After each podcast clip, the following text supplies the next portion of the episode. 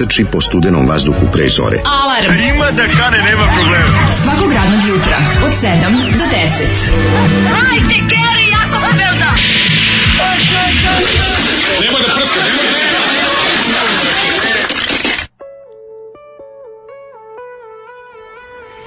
I... šta je ovo bilo i zašto? E, pa Zoli, a sačekao me danas i kaže, ej, ti Niški, seća se kad smo se upoznali. Niški? Kaže, o, evo ti jedan bend iz Svrljiga, ovo su prvi bend iz Svrljiga. Kaži mi, lociraj mi Svrljig na mapi našeg beznadja. E, pa to je nešto tipa pola sata. Pola sata jahanja. Da? Možda malo više, ne znam. Pola sata jahanja po živcima. Dobro, nikad nisam bio. ne znaš da, aha, znači ovo je, ovo je grupa Plamteće nebo iz da. Svrljiga. Da. Mislim, vidi, Zoli nadam već pustao njih. Da, da, da. Ali ja nisam znao da oni imaju, da, plamteće nebo je onako ovaj, značajni su za razvoj domaćeg roka, pogotovo u tom kraju, mm -hmm. ali je Zoli sad bio u fazonu kao da, da pusti ovaj, kao zbog tebe kao. Da, da, da, pa kaže ajde malo da, da, se ostiš kao kod kuće i tako. O, jako su dobri čoveče, ovo o, mislim, gledao sam im i sliku kako izgledaju, baš su onako. Pini momci, jel ima dosta ali, poruka? Meni je super, da, kako nema, evo sve se svode na da mislim en mali žao tog Zolija, svako jutro tu baš se pomio genitalije njegove majke i njegov odlazak u njih i tako, ovaj kaže ovako fuj biljak e, jao e, gr Zoli crkni pa da oge gore samo autoput sija mesec žut mm, da, a to je ova pesma tu jučerašnji to je jučerašnji hit da najnoviji ja nisam čuo ja sam samo čuo prvih 12 sekundi pomislio sam kako ja mrzim svoju zemlju, kako bih, kako bih za pare radio, kako bih besplatno radio protiv nje. Ono. bio bi špion. Da, bio bi špion, bio bi, to bi ono tražio da mi Cija ili za koga već radim napravi baš vizit kartu na kojoj piše špijun koji radi špijun protiv... uzbunjivač e, e. da je špijun koji radi protiv ovakve države to da, je da. da. lepo imam i tako da imam i kancelariju na kojoj to piše iznad vrata Ove, ovaj, kaže E, video sam mlađu sinoć na limanu, izgledao je zdrav i kao da je pobegao iz škole. pa da, na tom fake prudničkom, to je, mislim, kao, kad pitaju me ljudi šta je s njime, rekao, ima post porođenu impresiju. Da, da, da. To je kao depresija, samo što, samo što sad zapaže utiske. Video sam ga ja juče, ovaj, to je, da, Jeste, a? Da, bar postao sam mu pare, di su moji, po, poruku, di su moji novci. I on je, ovaj, ja. ne samo da mi dono mene, dono i za tebe, da. Pa ne, on kad se otvorio, kad znači... video, valjda ga znači- pekla savez što je, ovaj, ostavio mladog đola, kom je obe plaćao masne dnevnice za ovo što da, ovde gine umesto njega. Dobro, za ovo masne pite. A ono stvari masne pite samo. e, da, i ovog jutra e, Burek provajdovao je mladi Đole. Kako se zove? Kao nikad pekara? Jes, jes. Kao nikad. Ovaj, dobar je, dobar je. Dobro. A jako redko imaju onu, onaj Burek s piletinu. Pa da, znam da ti to voliš, ali... Taj najbolje, ali jako redko, tako rano ga naprave, jako mm. redko. Um, kaže ovako, E, dobro jutro, drugari, veliki pozdrav za Legal Merakliju in New Now. Ona je. Pozdrav, pozdrav. Mm, e, evo jednog vica. Da vam očinu krene jutro. Kako se u Novom pazaru zove vreće za spavanje? Mm, znam. Sanđak. Dobro, nije loše, nije loše. A dobar je, dobar je, tu dobar je. Dobra jadnost, mogu vam reći. Mm. Ove, ovaj, evo, tvoj bivši kolektiv se reklamira. Slušam podcast, čujem da Daško omiljeni španski golman Zubi Zareta, čudno li čuda, o njemu pričamo u nedelji u predstojećoj emisiji. Naravno, pričat ću o tome kako su umeli da ga počeste Pixi ideje, slušajte nas. Na ivici ja, da. Čuveni zub, zubi. Zubi matori, ovaj, kako se zove pevač e, Bijelo dugme tribi benda iz Kanade? To sam sačuvao od juče, pošto je jako smešan fazon. Da, da, Željko Kvebek. Željko Kvebek, da. Da. Aljoša Vučković vodi poreklo iz Zajčara i okoline i moj daleki rod po liniji Vučkovića. Od kada je Severina rekla da su oni Aljoša rođaci i nju smatram rođakom i drugim očima gledam kao i njene filmiće. Drugim o, ovaj, očima. Drugim, ja većim očima gledam. Ovaj, e, da li je bilo pametno puštati baš svakog da snimi ploču? Aha, to neko apropo ove ovaj, grupe Plamtića. I dalje pričaju o Zoli. Da, Zoli ostaje jako. Dobro jutro, jašem na Milinoviću put pupke srpke. Šta, čekaj, čekaj. Da, ti ne znam Milinović Trans. A, ima da, iz da, Bijela da, manastira. Znam, znam, znam. Iz Bijela manastira ima neki, ja ne znam. Ja sam da već svašta zamislio, tako da gotovo. Pa može, mislim, da, ni, pa vidiš da sam ovde, ne, mislim, nema mene baš toliko da mogu da budem ovde, a da me jašu do puta. Da dobaciš da To nije moguće, apsolutno. Ali kaže ovako, Bus je mini, a ja Maxi. Ja. Ono, ogromno dupe i to.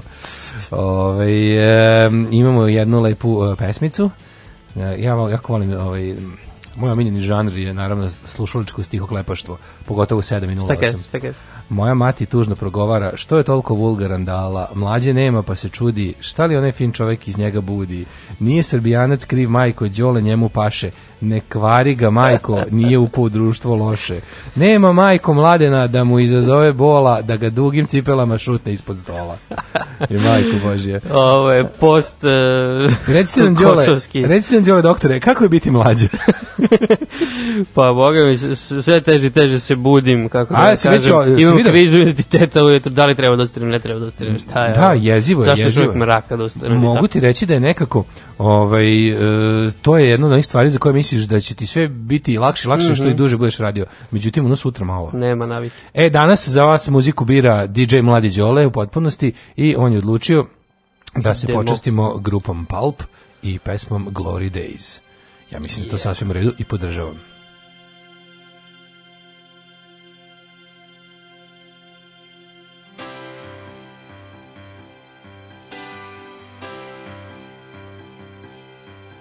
Come and play the tunes of glory. Raise your voice in celebration of the days that we have wasted in the cafe, in the station, and learn the meaning of existence in fortnightly installments.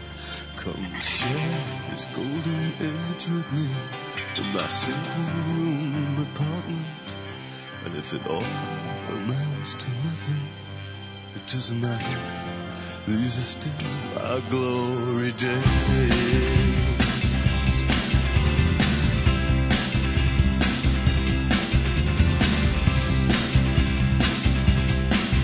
Oh, my face is unappealing, and my thoughts are unoriginal. I did experiments with substances all it did was make me ill. And I, I used to do the you, but then I had to feed the meter. Now I can't see into the future, but at least I can use the heater. Oh, it doesn't get much better than this, cause this is how we live our glow.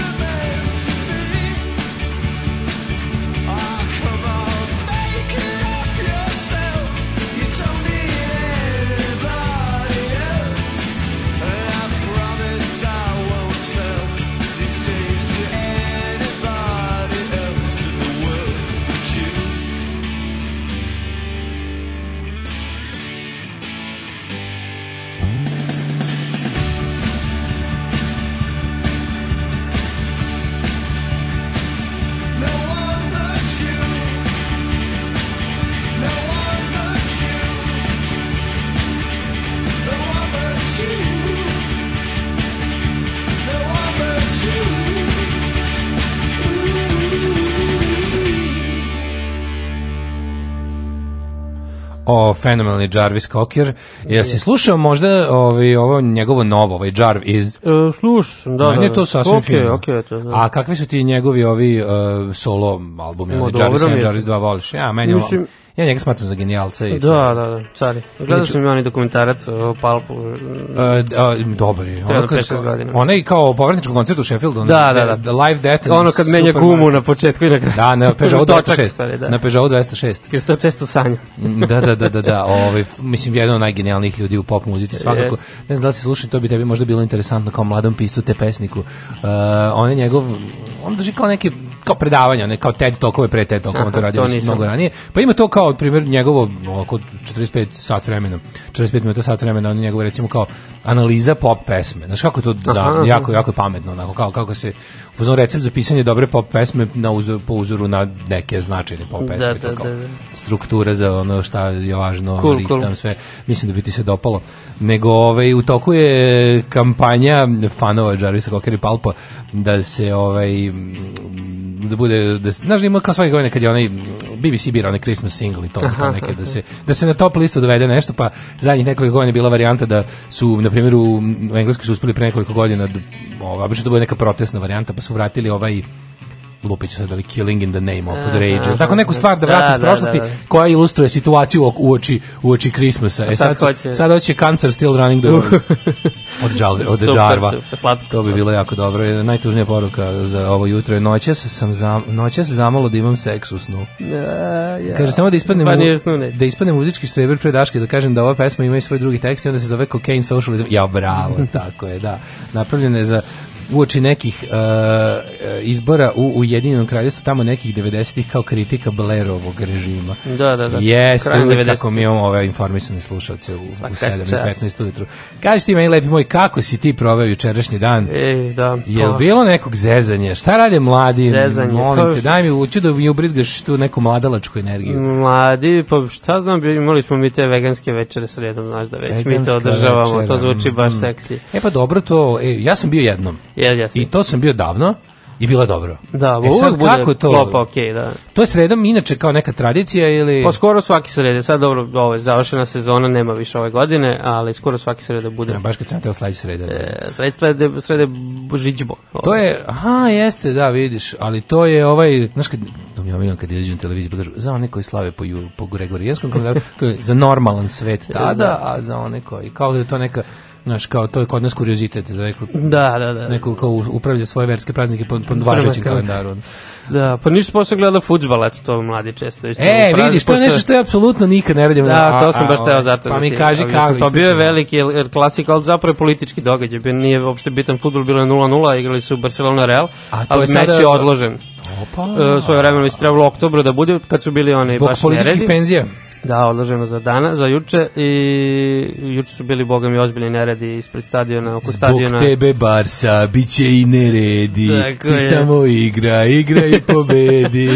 I, pa jeste, baš su se skupili kao ti... Gde si igralo? U Barceloni. O, jo, na domaćem terenu. Na domaćem terenu. Na separatizmu, klasiko. Da, nije bilo na stadionu ništa, nego... Pa naravno, na stadionu blokirali su, ništa. Da, blokirali su jedan, jedan izlaz iz tribine, tu su bile, tu je ono, baš, baš fajt s policijom, ima snima opet je bilo dosta zajebano samo su u nekom trenutku pojave ono likovi crvenim e, u crnim e, ono trenerkama sa kapuljačama da. i krenu da ono da napadaju. Društvo je ekipa. da. da. zvani naši. Ne, ne, ne, ovo A njihovi, fašovi iz Madrida? Da, ovo su znači ne zna se, znači došli su neki ono da da razbiju ove kao tu što što protestuju, policija nikog ne hapsi od njih. Naravno. Ukapšuje nam da ovako desetak ljudi još što su. A to su, su ovi, jesi vidio kako su ovi majstori Rajova Lekano, kakav su isterali da, da, baner na, na, tribini, on je stvarno genijalno. Oni su carevi, da. A to je druga liga, ali tako? E, Raja mislim da je sad u drugoj, da, nisam mm -hmm. si, mislim da je drugoj. Bili su oni u prvoj možda i do skoro. Bili su, bili su sigurno, samo što da. su sada u drugoj, da. Ima, ne, u Španiji ima svega, ima i tih on dobro. Naravno, nažalost većina ovaj navijača jesu opet desni, ali zaista ima jak levi. Ima, ima. Levi pokret ovaj što se tiče. Tako da to je bio zapravo kao politički događaj u pa, da. samo utakmica bilo m, mm, dosadno manje više. Pa, kao i svaka utakmica. Nisam sad rekao, što kaže, nije normalan. O, znači, je znači, znači fucibal popularni. Da, da. A čekaj, još da mi kažeš za ovu, za mhm, ovu mhm. veganske večere. A još to zanima. Ajde. Pa zanima me, da, kad će ponovo da krene i koje varijante se, onda varijanta plati se upad, je li tako? E, ne plati se upad, nego... Po plat, jelu? Da, platiš uh, ono, donaciju koliko ti misliš da treba. Sad, ono, preporučene pa, mislim, kao, 200 dinđi. Ti, ti uđi, stvarno. Pa da. Ti uđeš, minimum. pa to je da. A jel sami kuvati ili Ananda uleći ili kako to je? Ne, ne, mislim ima Sve je tamo. Volonterski kolektiv da tako kažemo koji to jel radi. Jel kuženje u CK, jel tako ima to? Pa može da se kuvi dok nedelje ako ima potrebe, ali one kuvaju samo sredom, znači. Da, da, radi tamo ona kujna što je. Da, da, sam ušao tamo 10 godina. Postoji, postoji kuhinja da već dugo. Da, da, da. Znači, Nisi još u kuhinju da... a pa u kuhinju nisu, ali znaš, ti ne da, znaš, ti da. kad smo mi mladi bili, pa tu se živilo, tu, smo, tu, se, tu su se provodile stvarno, nekad sam znao danima se ne ići pa, da. kući iz crne kuće. Pa mislim, kuva se nekad i pred koncert, ili tako, ali to je nešto Jeste. manje onako da, za da, ekipu da, da. baš.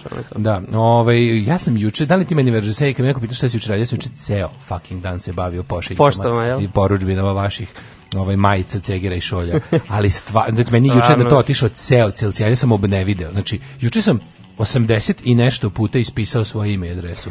Znači, kako to je jezivo, čoveče. Si pogrešio ne? E, ne, nešto je najbolje. Ove, ovaj, pazi ovako, pošto je, jel, bili smo kao u zaostatku od ovih, plus ono što su svi nagrnuli, tako da još, slobodno nagrđite još kad sam, kad sam sad u spidu, sad u, da odradim sve, sad sam u što su, ono, na, pošto imaš, ono, kažem, preko pola je već otišlo, računam da će do nove godine da pa će onda postati kukajeva. Kad će biti majica, kad će biti cegre, sad ih još ima, poručujte ono. Ove, I ja sam voljen da to brzo sve e, ovaj ekspedujem na brzinu. Znači, došao je drugar koji radi u pošti da, mm. i sam bio sam u kao da skratimo što više posao i meni i njemu i znam da su oni sad u užasnom zaostatku da, da, da. i da je ovaj, varijanta da rade kao blesevi da se nadoknade ovo sve jer je bilo stajalo sve i onda bukvalno sam napravio, znači on mi je dao sve što mi treba da kod kuće napravim poštanski ofis, ono. I onda sam sedeo, znači sedim, pakujem, uzem. Ima Jesi lizao sve markice? Ne, marle, na sveću nema lizanja. Znači, znači, ja mislim da bi ono dehidrirao bi od ovog juče. Onda mi je gomilo onih uh, koverata, gomilo formulara, gomilo onih etiketa što se čitavaju mm. na mhm. bib. Onda mi sve, one, one, sve te sprave i, i papire. I onda sam sedeo od, sve ti kažem, od recimo pola 12 do skoro 6, završio sam u 6 uče. I doneo, i što je najbolje od svega, celu smenu sam odradio. I doneo mi je onu veliku poštansku, onu plastičnu kadu, da, da, da. na kojoj da. piše Pošta Srbije. I su kup, kako, posta. Pa, bukvalno. kako se, kako je za tuška vidim. Onu plavu veliku teget, onu, u koju oni nose, znaš. Da, da, da. ono što ide u kombije i kamione. Da. I kako koji, znaš, završim, uradim u one i sve, stavim one gaće, zatvorim sve i on, na onom mom programčiću tamo za praćenje, one, kao od web shopa. Da, da, da, možda pratiš. Kako da, preduzeće, čoveče, onda uzem kao svaku Majka mali preduzetnik. Koliko ih je bilo, baš sam bio, bio juče sam bio mali privrednik, da me neko, baš sam razmišljao koliko bi bilo smešno da, da sam imao neko kao kamericu, ono što, što stoji u firmu. Aha, reality, da. Da me neko onako ovaj, slika, kako sam juče bio smešan sa tim. Ovaj. Radnik meseca. Baš sam bio radnik meseca, kad sam upao u speed, čoveč, sam odem, ustanem povremeno da okrenem ploču u drugu sobu, to, da, onako, to, to, to. da mi svira muzika i cepam to lako, ali to to ludačko pisanje istih stvari u krug, samo mislim svaki put je druga adresa primoca. Njihova, dobro, to bi već bilo ludo da je sve jedan čovjek. Što je najbolje, kako čovjek upadne u taj čovječe, kad bi to, kad bi, kad bi to radio mesec dana, ne znam, sad se jako divim ljudima koji rade te neke rutinske poslove. Znaš što zove nešto sindrom ove assemble, ove, mm, da, da, da. Sindrom pokretne trake. Pa baš je pokretna traka, jeste. I onda kao, znaš, tipa. kad se ufuraš ti vidiš, u stvari, pazi, to je potpuno genijalno. Ja, ja kako te formulari izgleda sad sve, znaš, onako, ti popunjaš sto tih istih i na isto mesto isti. Ti kao kako ti ruka krene ka vrhu papira, tu znaš da pišeš svoje. Da, da. Gledam Mehanička. kome šaljem, znaš, gledam ono, gledam Page Dragoljuba iz Čačka, pozdravljam ga, ovaj, i kao, znaš, mislim o, njegu, o, o njegovoj adresi, to kao šta je sve, a mahinalno pišem svoje, ono, da, to je da, tako. Da, da, da. Znači, da, pa kao birokratija. Znači, ja sam skoro tako skinirao jedno 100 strana strana. Ono, da uopšte ne misliš ono. Da, to je isto. Ne možemo mi, mi kreativni genijalci, teško se mirimo sa ovim običnim repetitivnim poslovima. Jako teško, jako teško. Da, onda sam posle, ovaj, kad, sam, kad sam to ovaj, završio, kad, kad, sam, kad sam predao, ono, sa, sa, sam bio fazon kao, e, sad idem da se počestim nekom dobrom klopom. I boga mi. I onda sam od, išao sam... Jesi bio? Pa otvorio se neki, neki novi onako modernasti, fancesti, ovaj, tamo kod Sajmana Ćošku, kod Zavoda za transfuziju. Dobro. Relativno novo. Ovaj pa imaju imaju imaju dobro onako kobajscu sa sa ovaj sa sir. Ima mladi krompir, otkud mladi krompir? Od mladi krompir decembra? Pa, ko ima sad sve. Sad sve može, sad sve, sad sve ima uvek, jel da? Da. Ja sam čuo da su otvore neki marokanski restoran. Gde? Pa u, kod nas, al ne, ne znam. Da, izguglat ćemo posle. To poslan. moramo, ono. Da, Znaš, ja moram te sve egzotične da, kuhinje da, da, po gradu. Ove, ovaj, e, kaže, postoji aplikacija za poštu Posta Express, ne moraš popunjavati svoje podatke. Ove, ovaj, e, kaže, Uh, kaže, meni si rekao da nema više majice, jel da naručim ili ne? Da, rekao sam da nema više majice, nisi me razumeo. Da. Ove, kaže, radniče meseca, e, kad ti do sada, hoćeš štrajkovati za bolje uslove. hoćeš štrajkovati za bolje uslove. Tražit ću mlađe, tražit ću mlađe bolje. Ispred njegove zgrade. Sad, tražit ću da bolje uslove, da, da. Ove, da, sve da si puno pozdravio mlađe, to sam zaboravio. E, vidiš. Kako je, on se onako maknuo kao funkcionerski kroz prozor. Da. Znaš, kao, znaš kako Milošević maha onako. To, to ne, sad ne mogu da vam opišem, morate da vidite. To spoljnom, mahanje, spoljnom šak. Da, nadlanicama maše, a sebi u stvari kao da gura vazduh u lice. to, to, to. Znaš tu vrstu funkcionerskog mahanja. Jeste, jeste. E, ovaj, danas vam DJ uh, e, Đurđeto vam je spremio, pazi, ovo, Lačni Franc, pa onda Pljeskavica sa Arijenom.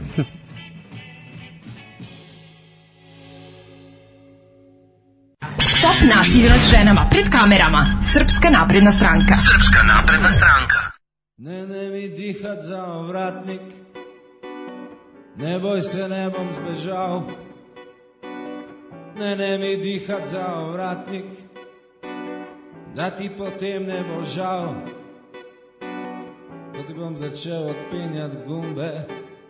Spil ti bom na smeh iz usnic in z ramen potegnil svila. Ne bom se ustavljal na koleni, ko ti bom dvigal krila.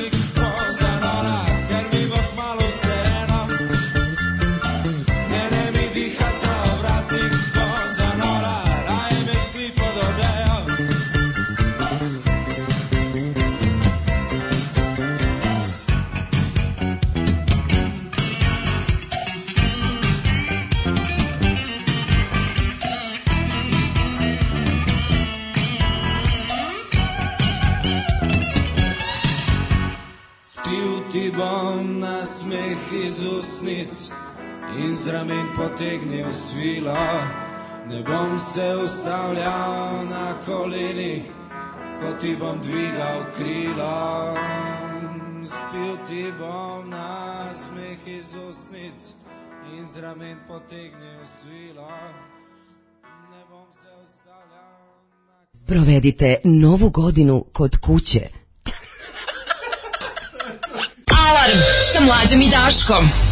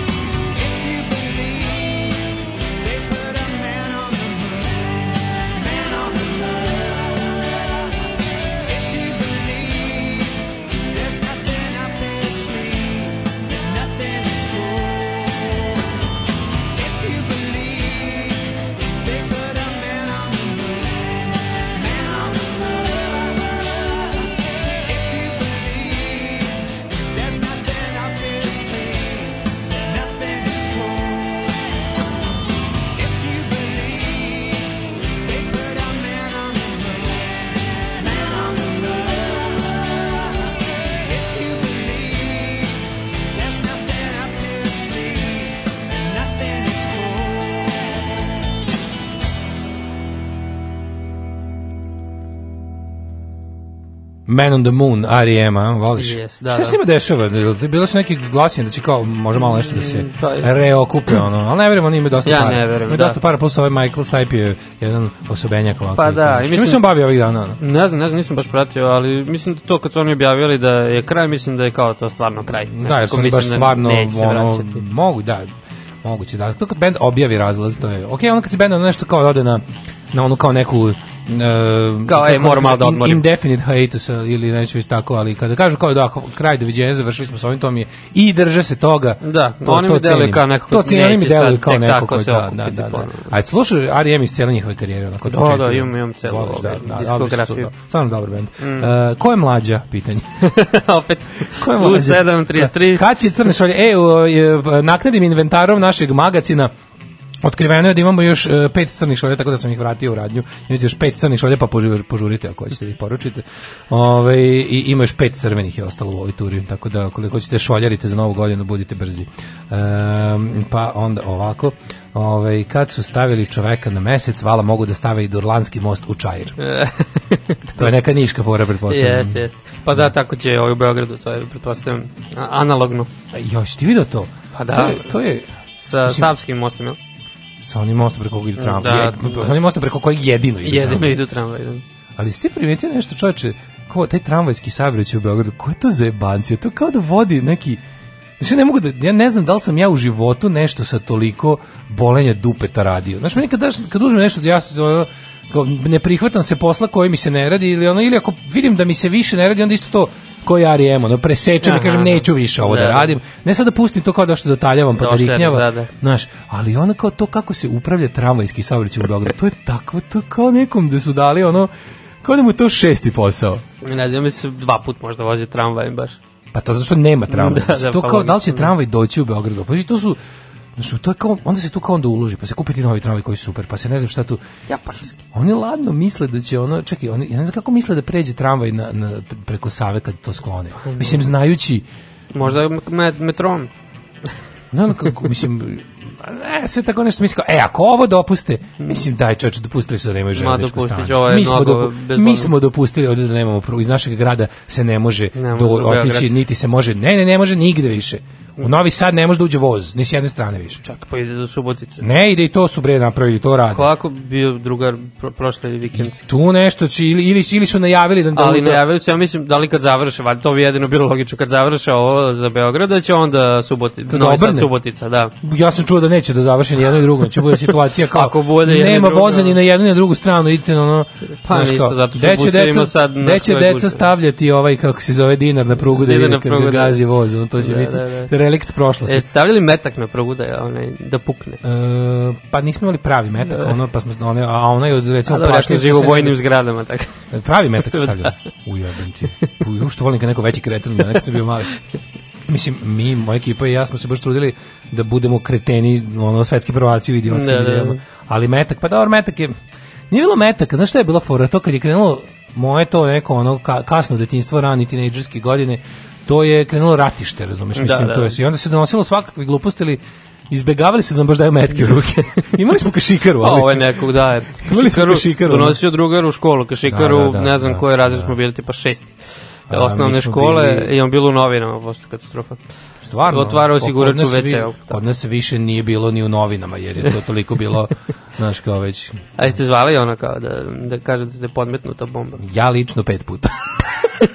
Šta ali si izbegavao? Ali u srednjoj. Koji kontrolni si izbegavao? ali u srednjoj. Mislim da je ovo zastarilo krivično delo. Da, da, da, da. I da sad kad sam ga ja, priznao, ovaj, da sad kad sam ga priznao, ne, više ne može niko da me ganja za to. Mislim, mislim da svaku u mojoj školi po jednom zvao da prijavi da je bomba u školi. To je bilo neka vrsta kao ono... Bilo moda jedno vreme, da. Pa čak i moda može mm. se kaže, da apsolutno. Ovaj e, kaže od februara u Novi Sad će vozom moći da se uđe samo iz pravca Bačke Palanke.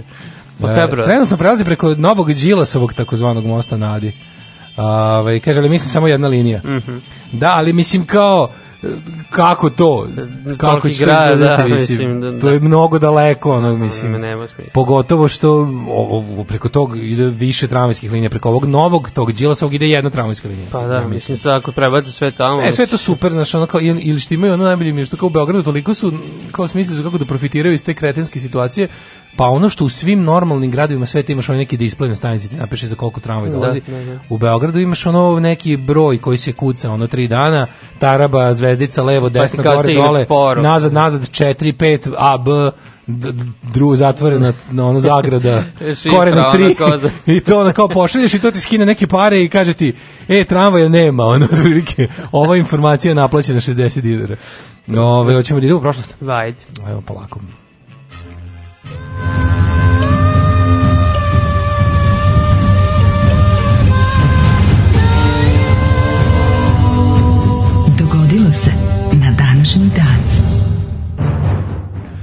Uh, ovaj, danas je, i danas Svet Nikola. Svet danas da, Nikoldan. Pa, pa danas Nikoldan. pola Srba Alarm. slavi slavu, a pola ne slavi. E, ja pola ne ide nikad. Pa zar ne znaš što... e, si ti, ja, si ti slav, slavojadnik kao ja? Pa, nigde ne idem ove godine. Ne znam e, ove godine? Da, imam kod mojih u, u Jagodinu, oni, oni slave. Ja da. sebe smatram najvećim slavskim luzerom ove zemlje, zato što nemam nigde da idem za većinu velikih slava a pogotovo mi je neverovatno i tužno što nemam nigde jedan za Svetog Nikolu. Čak i za Bosnu slavu ti je krivo. Za Bosnu slavu, pa ja volim dobru Bosnu slavu. Izvini, dobra Bosna slava ti je... Ovaj, kolači, oni su... Ne, kolači manje više, nego tu kada, kada su kao fuzon da se jel, poštoje tradicija da Bosna slava bude Bosna, mada ti svet, Svete Nikole na koje sam ja, dok sam imao gde da idem išao, su bili pola-pola. Ja nisu bili fuzon, a ne mora baš Bosna, ne, Pa ima ona fora Znaš, Šta, kao pa kad neki dan? Ne, ne, kaže gudi, gudi, riba, budi i onda Ma, mm, može ja. da bude guda. vudi, vudi, viršla, budi. Da, da. da. Reklama za ono, kao, da, da. Onog pretvori, ili tako? Mm, pretvori da, Ljudi, ljudi koji veruju da se može pretvoriti voda u vino i I, i, onda cepaj. I, da, onda, mislim, šta, šta je njima teško da zamislim. A eto, možda nas neko pozove sad posle ove da, emisije da, da dođe. makar na drugi dan. Kao, ajde mak, zovite su... na preslavu. Da. Ajde zovite mene Đola da pojedemo što je ostalo, mislim, mi ćemo doći. ja ću pošto i šećer da jedem, slatko sve što e, treba. Kad to kreće, večeras, kad ti kreće? Pa ovaj, mogu od sutra, eto. Karbo, ako je slava, carbohydrate. Ako nema, do, od vikenda tamo. Da, tako da danas je, danas je popularni Nikolj dan, da, da pola slava koji je pola Srba slavi, a pola ne slavi. E, I koji je, da ostalo još 12 dana. Još 12 dana. Gde ćeš za novu godinu? E, Uf, pa ajde recimo... Sad pa tebe stvarno pitam zašto vidim da tebi to jako važno. Da. Pa mi je stvarno interesantno da, da, pratim, pa da, da pratim iz dana u dan kako vaši ovaj, napreduju dogovori Jel Budimpešta? Ne, Budimpešta, definitivno. Definitivno. Definitivno. Pa već ste ona kao na drugom vanrednom zasedanju ste odlučili. Mm, da, da, da, vanredna skupština bila.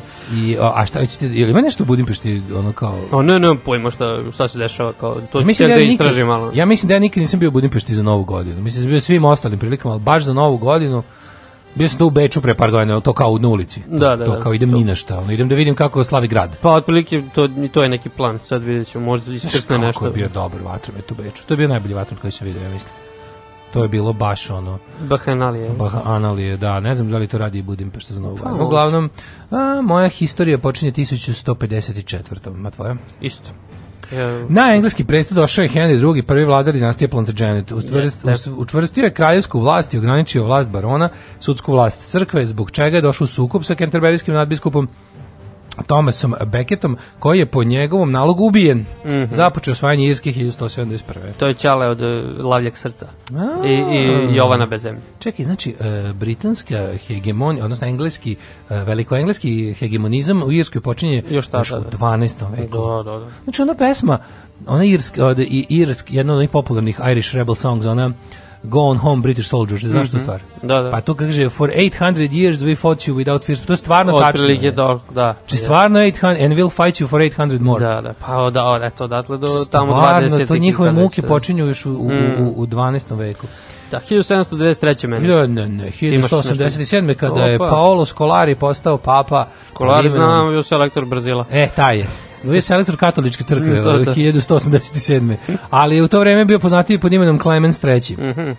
1793. Napoleon Bonaparte dobio prvu značajnu bitku kada je okončao britansku opsadu Tulona. Luke E, ali da. čekaj, da. Englezi su držali Toulon tu nešto značajno dugo pre da, toga, da, tako? Da. Mm. Gde se nalazi Toulon? Ti znao da ga staviš na mapu. Šta bi to bilo? Gore to je neka severno francuska. Da, mora biti. Aha, i to je bilo, o, to meni malo nije jasno oko tih uh, gledao sam neki film za vikend kao drugom svjetskom ratu okupacije onih kanalskih ostrava, mm -hmm. ovaj, Uh, što ne, to je jedina teritorija Britanije baš kao me, ove što, što se smatra Britanije koja, su, da. koja je bila pod okupacijom. I to mi je interesantno to kao uh, ti engleski ono kako to kad su se Englezi i Francuzi toliko puta ratovali bukvalno do pre ono 100 godina svaki dan su ratovali, kako, kako su ovi uspeli da, da imaju te, da zadrže te neke stvari, kao što su luke, ostrava blizu Francuske, da to Francuska to? Nije, nikad ono, da se pomirila s tim u jednom trenutku i ostavili. A, šta ti kažem, Francuzi? Francuzi su jedne mekane žabe, što bi rekao Krimos. A, da, to je tad još general.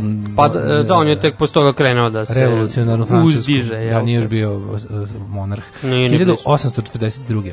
Da, SAD su priznali nezavisnost Havaja ali američki uticaj je ostao dominantan. Havajska ostrava su anektirana 1898. a 59 su postale 50. država zvanično SAD. Jeste. E, 1863. engleski pronalazač Frederick Walton patentirao u Londonu m, e, podni prikrivač, pročito modni prikrivač, podni prikrivač linoleum. Linoleum. Linoleum. Sad bi trebalo da pustimo od grupe NoFX njihov najveći da. hit Linoleum. Uh, linoleum inače jedan od ono To je neki naftin. Jedan od likova iz filma Do koske. E, jeste.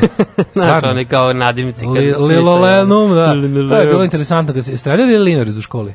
E, da, da, da. Jeste imali tehniku ili naručili? Imali smo tehničku. Znači, bukvalno ono čuveno kako počinje čas. da Donesemo jedno žiće, komadić linoleuma i onda prvo što... Prvo da vam kažem, znači, nož, znači prste iza no... A, baš neko kušnini Ne, Nešto je jako traumatično. Znači, traumatično ova, a, učite, nastavnica još nije završila rečenicu. Znači, prsti uvek iza noži. A, pa je samo, pa sad čekaj, pobogu, Saša, majku mu, ono, i ti, znaš, kao ekipa koja je uvek, ono. Ali da, bio je, Linares je bio dosta onako frustrirajući. Jeste, baš mi je taj period to, to je baš zastrbeljeno. Ja najgori predmet. Ja jako volim ovaj linoreze. Mm -hmm. Super su mi oni. Voliš ne partizanski lin, linor, mislim one partizanski, ne. nisu linorezi, ali izgledaju kao verovatno su drvorezi, ali izgledaju kao linorezi. Da. Linorez u stvari dobro imitira e, drvorez. Uh, na današnji dan 1905. usvojen je prvi ustav mm -hmm. uh, Nikoldanski Crne naravno. Gore, popularni Nikoldanski ustav. Kojim je država? konstituisana kao ustavna monarhija. Yes. Knjaževina. Da. 1907. E, nemam.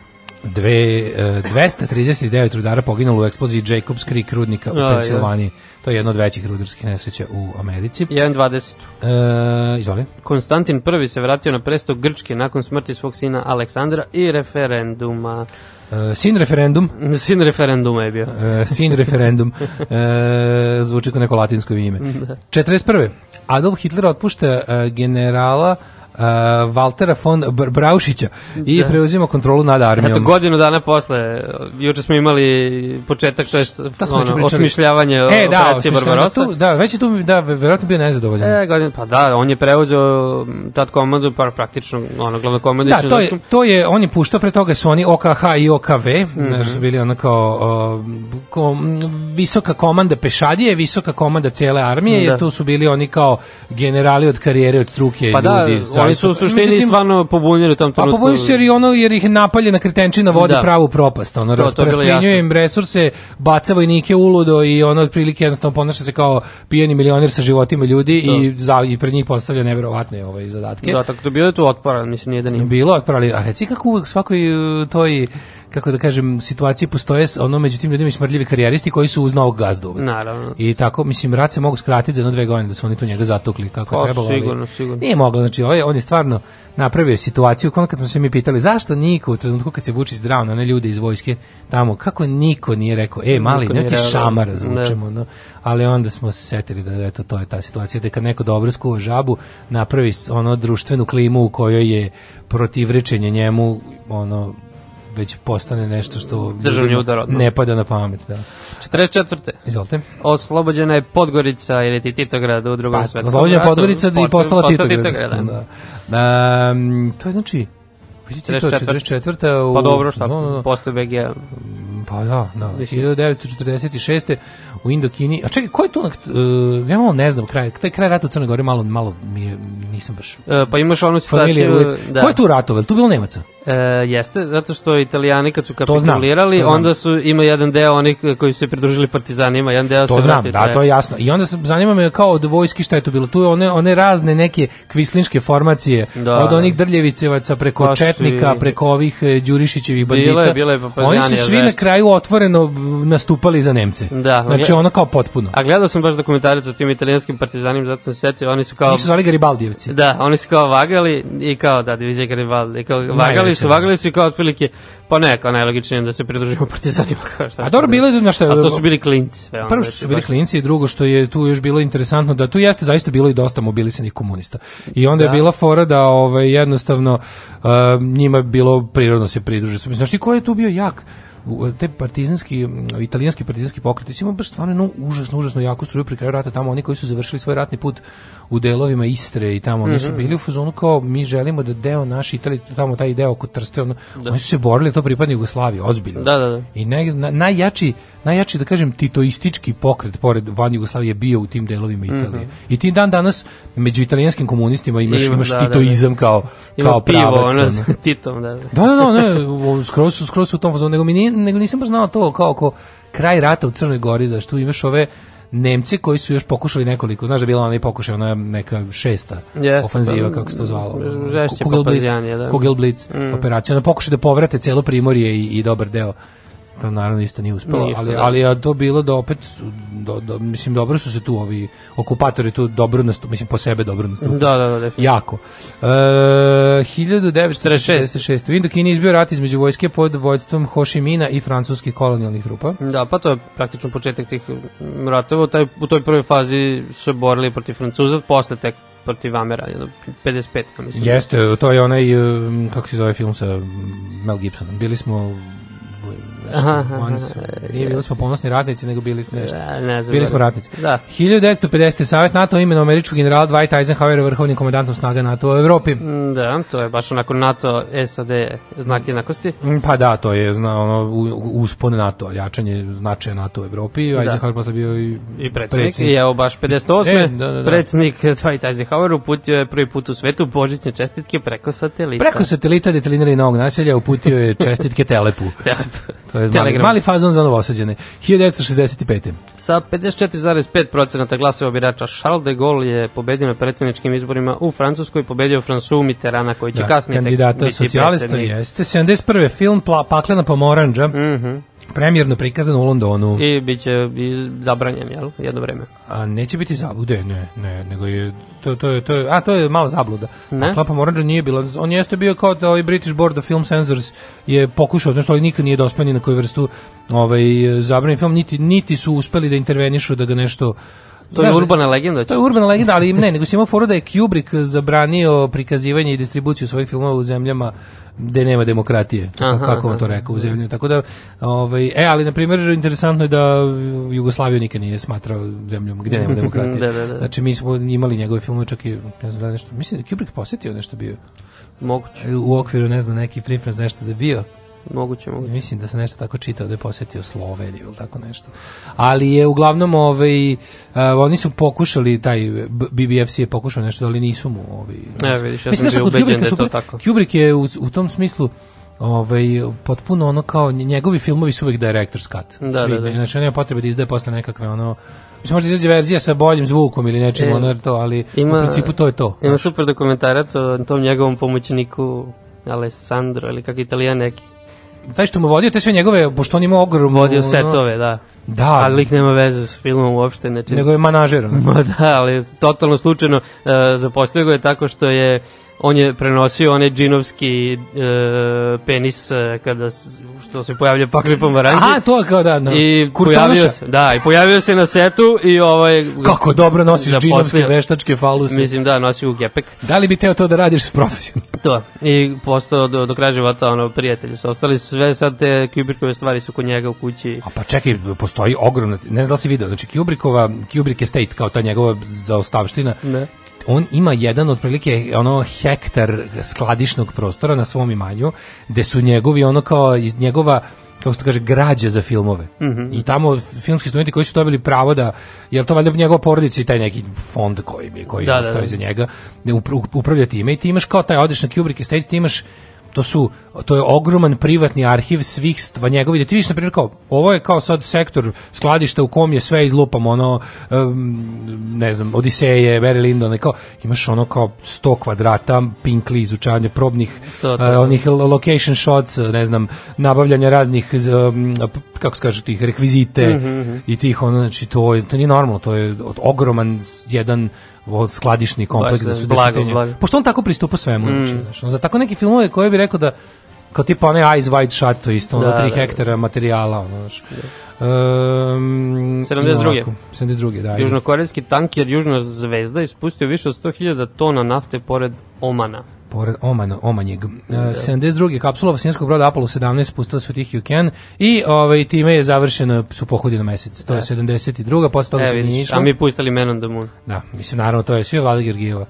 Kaže, kao, napali da su zemlja, ga. Ravno... Da, sad rekao, napali su ga dobro, kao, ajde u redu, kao, znaš, neka, shvatam ja da je to previše radikalno, vidi, kao, nisu ljudi spremni za istinu. Ali ono što je sigurno i od čega, kao, neće... Da, da ljudi nisu bili. Nisu bili na mesecu. E, to, to, je, to je režirao malo pre pomenuti Kubrick. Jel jeste? To je. Pa Vidiš da. sve je povezano, sve sve tuga. povezano. A, pa kaže ovako 1974. Uh, u prodaji se pojavio Alter uh, 8800, jedan od prvih osobnih računara. Uh mhm. -huh. A iste godine britanski, uh, dakle, Margaret Thatcher i... Ne, to je 10 kasnije, bilo 74. A 74, e, izvini, ovo je 84, dakle, britanski, uh, britanska premijerka Margaret Thatcher i kineski premijer Zhao Ziyang potpisali su u Pekingu sporazum prema kojem Hong Kong od 97. dakle, prelazi pod suverenitet Kine. 1991. Republika Srpska krajina proglasila Knin za glavni grad, a Milan Babić, e, predsjednik vlade, preuzeo funkciju predsjednika Republike. Mm -hmm. O majko Milo, ujedinjene, joj se sećaš te kao na sr ujedinjenje srpskih zemalja. Podsećam Krajina i srpska, iz 90 čuvena srpska oblast Slavonije, Baranje i Zapadne da, Srema, da, da, majko, da, da. Božja. Znači, moram da priznam da jedan deo mene perverzno jedva čeka da gleda nastavak serije General da vidim. U, da, da, da, da, da. Kad, kad je ovaj kad je ovaj mirnodopski deo ovako masno izbaronisan, ja čekam, ja čekam kad krene ovaj deo da je prava mitologija. Da, da. Da vidim ko će, zanima me ko će da glumi, će biti prikazani ti ovaj... Aha, negativci pa kao. Pa, ko će da budu bad guys, odnosno ko će da budu svi ti Martići i Babići i to sve. Ovaj. Zamisli su zvali ove kao naše glumce odavde. Da. da, mislim, to je bila fora. Uh, 1991. Island priznao Hrvatsku. A, da, ili pa, Island prvi, ja mislim. A, nije prvi, prvi je Ukrajina, ja mislim. Ja nešto mislim da Island, da je to bilo na suđenju u, u, u Hagu, da se da pominjalo. Island prvi? Da je Island prvi. Ja znam samo da je ovaj, Rusija priznala pre Amerike. Aha, da, da. I to da, da. nešto par dana prije. Jeste, jeste. Uh, pa onda ja, ovako. 95. Dakle, da, stigli prvi vojnici iz Rusije u Bosnu. Da, to je ovaj IFOR. u okviru misije IFOR. IFOR. Mm. A, 96. Švedska je postala članica šengenskog uh, prostora. Mm -hmm. Pa onda 97. srušio se singapurski Boeing 737-300. Da. A, e, niko nije preživio 104 putnika, to ne manje Boeing. Mm. 737, pa... Evo sad nešto vezano za, isto juče je bilo slično. 98. predstavnički dom SED pokrenuo proceduru opoziva predsjednika Bila Clintona nakon afere e, vidiš, sa Monikom. To je bilo na današnji dan? Da. A, juče? a, oči, ne, a ovi danas glasaju, ja mislim. Da mislim da su juče izglasali u tom predstavničkom domu, Aha. demokrati imaju većinu. Da, on je, on je impeached by Congress i sad što je Senat da, će, da vrati. Ono, da. A što, da- ja ne znam što to radi, mislim. Tebi pa, to jasno. Ja pojma, mislim da to sve deo kampanje koja je već krenula u suštini sad. Šta, da će imati vis... Pa da, dobro, jeste deo kampanje, naravno. Jer ali. ako će Trump biti ono, On je treći kandidat, predsjednik koji je na zapravo koji je pokušan da bude. Ne, ne, ti impeachment, impeachment, Bill Aha, Clinton misliš? je impeachovan, isto se desilo, samo što je tad bila obrnuta situacija jer su demokrati imali senat, ono pa nisu mogli, mislim obrnuto, potpuno bila obrnuta. Aha, aha, Njega je kongres isto ono i ali, ono. Samo što je bila obrnuta situacija. Dobro, ali nikom nije izglasano da ne, bude... Ne, nije, nije, ovo, ovaj, to mora jedan drugi. Znači, da, to, to mora da, znači, mislim, neće se verovatno desiti. Idemo da slušamo Hive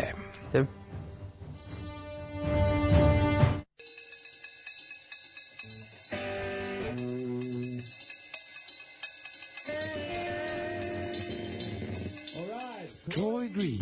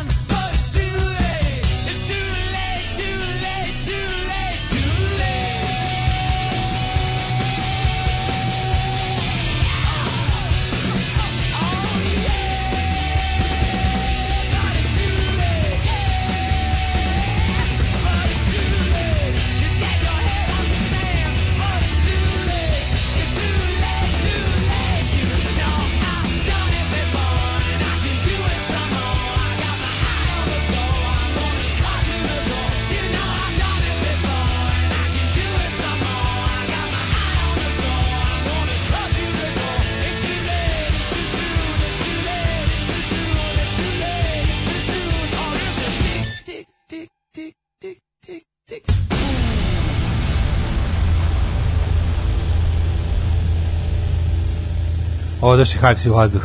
Da. O, slušali smo The Hives i tik, tik, tik, bum. Šta kaže poruka? E, ovu poruka imaš koliko hoćeš, kaže. A, slušajte Wolf Tones, pa da, Wolf Tones su najpoznatiji taj ovaj, irski rebel band koji da. neguju. Ali to su sve uglavnom neki su narodne pesme te irske, bundžijske, a neki su, mislim da Wolf Tones jako malo imaju od tih najpoznatijih pesama koje oni izvode, koji su uvijek nalaze tim nekim best of kompilacijama, najmanje pesama su oni autori, to su uglavnom da, da, neki da, su pisali razni ono, ono, irski pesnici ovaj, pre njih.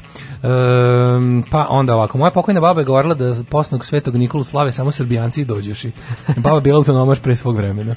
Mi kaže, ovaj, slušaj ovo, 15.3. se zatvara pruga na 33 meseca. 15. marta. Sabrać će ići preko pravca Subotica, Sombor, Bogojeva, Novi Sad, prugu, Beograd, Novi Sad će možda završiti do 2021.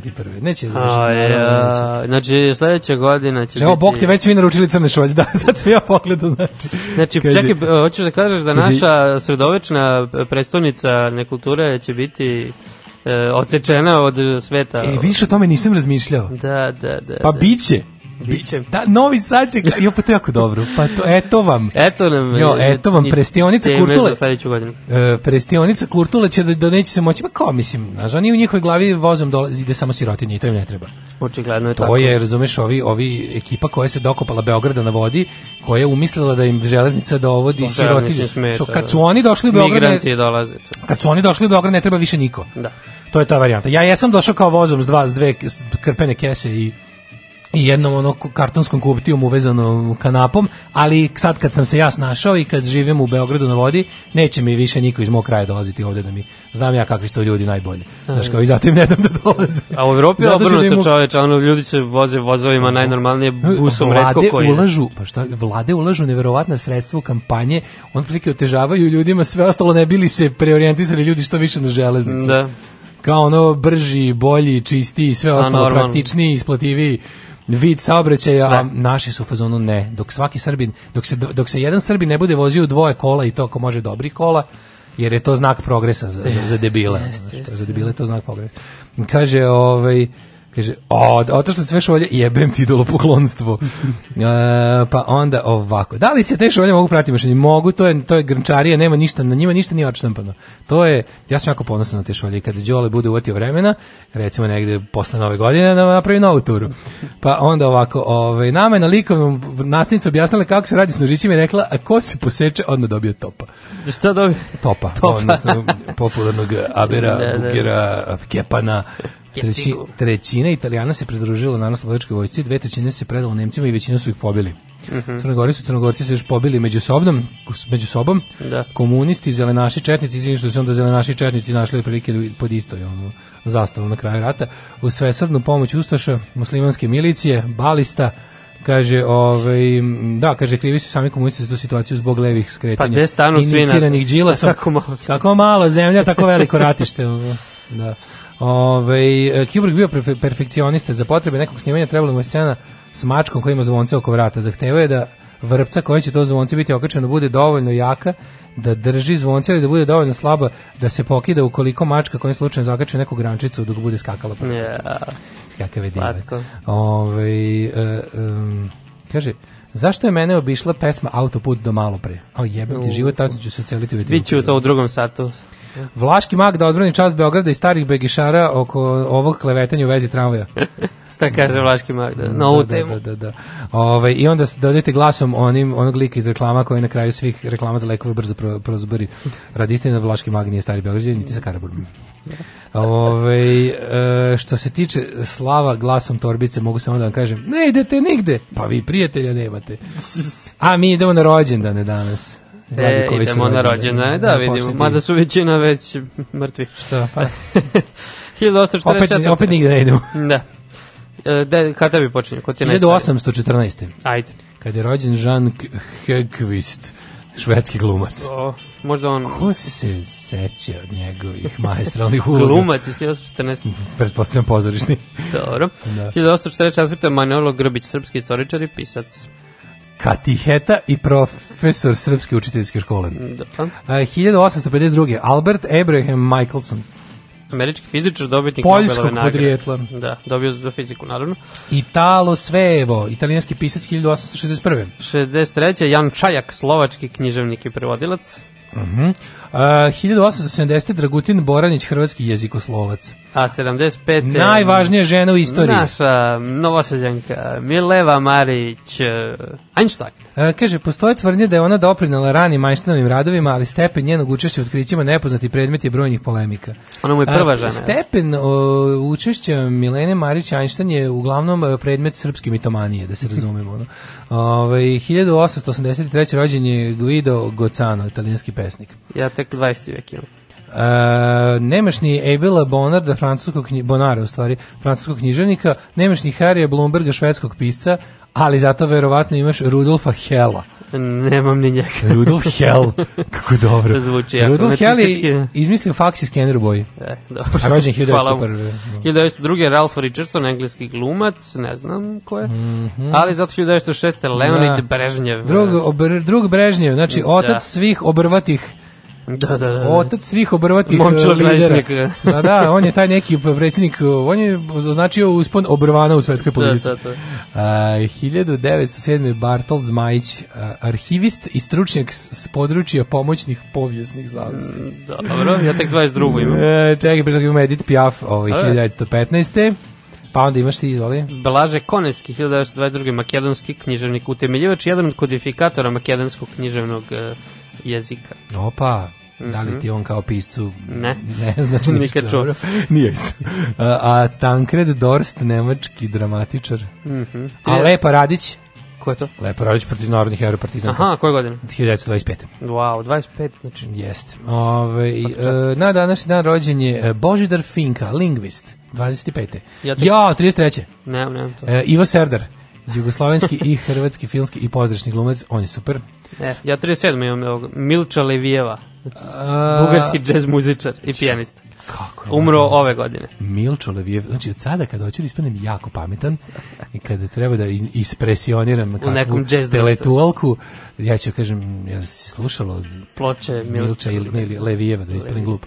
Milčo Levijeva kao to je kako, znači taj je čo, taj ima zlatni prste. Je. Zvali su ga zlatni prsci prsci, pra pjasci, zlatni prsti zlatnih pjasaca su ga zvali. Ovaj, e, eh, Augusta Bredefeld, mm, ne. isto švedski glumac. Ne. Pa onda... Zvonko Bego. E, čekaj, pre, imamo i na austorijski dan iste godine. Phil Oaks, znaš ka Phil Oaks? Phil Oaks, eh, znam. Pa on je genijalan. Da, da, da, da. Znači, ja volim Phil Oaks baš mnogo. Mm -hmm. uh, 1940. rođen je Zvonko Bego. Da, hrvatski futbaler. Ko je to? Da, Hajdukovac. Neki, mislim, nije nešto puno poznat. Hadžuk. Igra za Hajduk, da. Mm, dobro, Moris White, pevač. A Milan Milutinović, 42. Srpski političar, drugi predsednik Srbije. Da, drugi predsednik. Od 97. do 2002. je on bio čak. Znači, da, zato što nismo uspeli... predsednik Srbije, da, on je bio taj ono, otprilike kad... Prelazni. Pa ne prelazni, nego on je bio onaj, kod njega, po njega ture kad Šešelj zapravo pobedi na izborima, stave njega jebi. To je bilo tada, da, 97. Ali onda mm. posle, kada trebalo da se izglasa neko nov, znaš da, da nije da, bilo... Da, uh, da, da, da to je bilo interesantno. Znači, cenzusa. Znači, bila je onako u jeku naše jakobinske Srbije sa sve ono kao znaš, e, Đinđićem koji predvodi, ne znam, reforme i ne može da se skloni pravno formalno debeli šef. Ne iz, može, e, zato su nisu mogli ne 50%, da, da, ne mogu da, da- izlaznost nije bila nije da 50%. Nije niko teo da izađe na izbore za predsjednika Srbije i onda nam je debeli, debilni Brian Denih je ostao predsjednikom. Da, bio Labus, bio kandidat kandidat, sećam se. Je se sećaš? Nataša da. Mićić bila da, VD. Da, bila VD. Kao da. predsednik skupštine. I onda kao, naša srpska Nikol Kidman. Nikol što to jadno bilo, majko bože. Ovaj e, 58. imaš nešto ranije? Je, čekaj, čekaj, imamo Richarda Likija, antropologa, mm -hmm. pa onda imamo um, Robert Urih glumac, Uh, šta si rekao? 50, ja, 58. E, 53. rođen Jura Stublić. Da, njega ne. Hrvatski muzičar i kompozitor. Nema na ovoj čirili, čiriličarskoj, nema to. E, zato Druže Beogradski. Đure Stublić, ovaj, pa film svakako je jedna od najboljih grupa Novog Talosa. Ja volim, mislim, pa, ja se poštovam. Poštovam, da, Mislim, grupa, pa, film, pa, njihovi, njihovi albumi do, do, do, do, da, mislim, on je pa, da. Jure Stublić je jedan ovako, kako bih rekao, čudan čovjek koji pod uticajem razno raznih ilegalnih substanci postaje Očigledno. užasan čovjek, Očigledno. ali oni prvih recimo 3-4 albuma grupa film su stvarno ja, po meni, vo, po meni volio. I Um, izvoli. 58. 58. Veselin Vuković, srpski rukometaš, ne bi ga trebalo mešati sa Veselin Vujovićem. Dakle, da ni sa Veskom Vukotićem. Nikako. da. Ove, ovaj, znamo nešto o njemu. Pa da, on je ta generacija ista, znači kad i Vujović, samo što je jedno ja, slovo ja razlika, znači, on bio kapitan. Ja, ja mnogo volim kad je tu neko ko zna nešto u sportu. Pa. To, to, to. 58. Sestra od tetke Ergovanke Tabaković, Snežana Mišković, poznati kao Viktorija, Jugoslovenska i srpska rok pevačica samo teraj ti po svom. No, majko mila, koliko meni bilo neprijatno. Ja sam, znači, Viktorija mi je uvijek bila prejedna, a to su keve volele. A da, to kad da, sam da. ja bio mali su volele keve. I onda ja tako imam tipa 9-10 godina i onda kao keve to slušaju. Kupe kasetu. Kupe kasetu Jeste. sa albumom. Album se zvao Viktorija ja verujem ili tako nešto i tu su bili ti ono deda legne, deda da. prenoći. deda legne, deda zanoći. Ja sećam da smo imali neku kasetu, to se imamo onako Život u glavi. Život je tužna, Arija, ono kako neprijatno, majko mila. A kao to Keve vole, kao ne razume se, kao yes, znaš, oni, oni kao govori nešto, znaš, mm -hmm. oni kao to osjećaju te pesme. Jesam li ti kad stvar ne, a neprijatno. Uh, uh, Alberto Ton, Tonba. U, uh, da, mitilijanski skiješ. Da li znaš Tombala da- bomba. Tom, tombala bomba, on je ovaj, otvorio restoran restoran na Zlatiboru. Ne znam, e, da, da, tu sam video. A nije zove se samo Tomba, nije on otvorio, ali zove Stvarno? Tom. A ima restoran tamo. A bio je, čekaj. Imaš uvek, ja mislim da Tomba radi dalje. To je dobar restoran. A bio je nešto kod nas. O, pa, mislim, nije Tomba otvorio. Znači, nije njegov restoran. pa verujem da nije, mislim, ako je stvarno Tombin restoran, onda da, da, da, da. svetsko skijaštvo je mnogo veći krizi nego što sam mislio.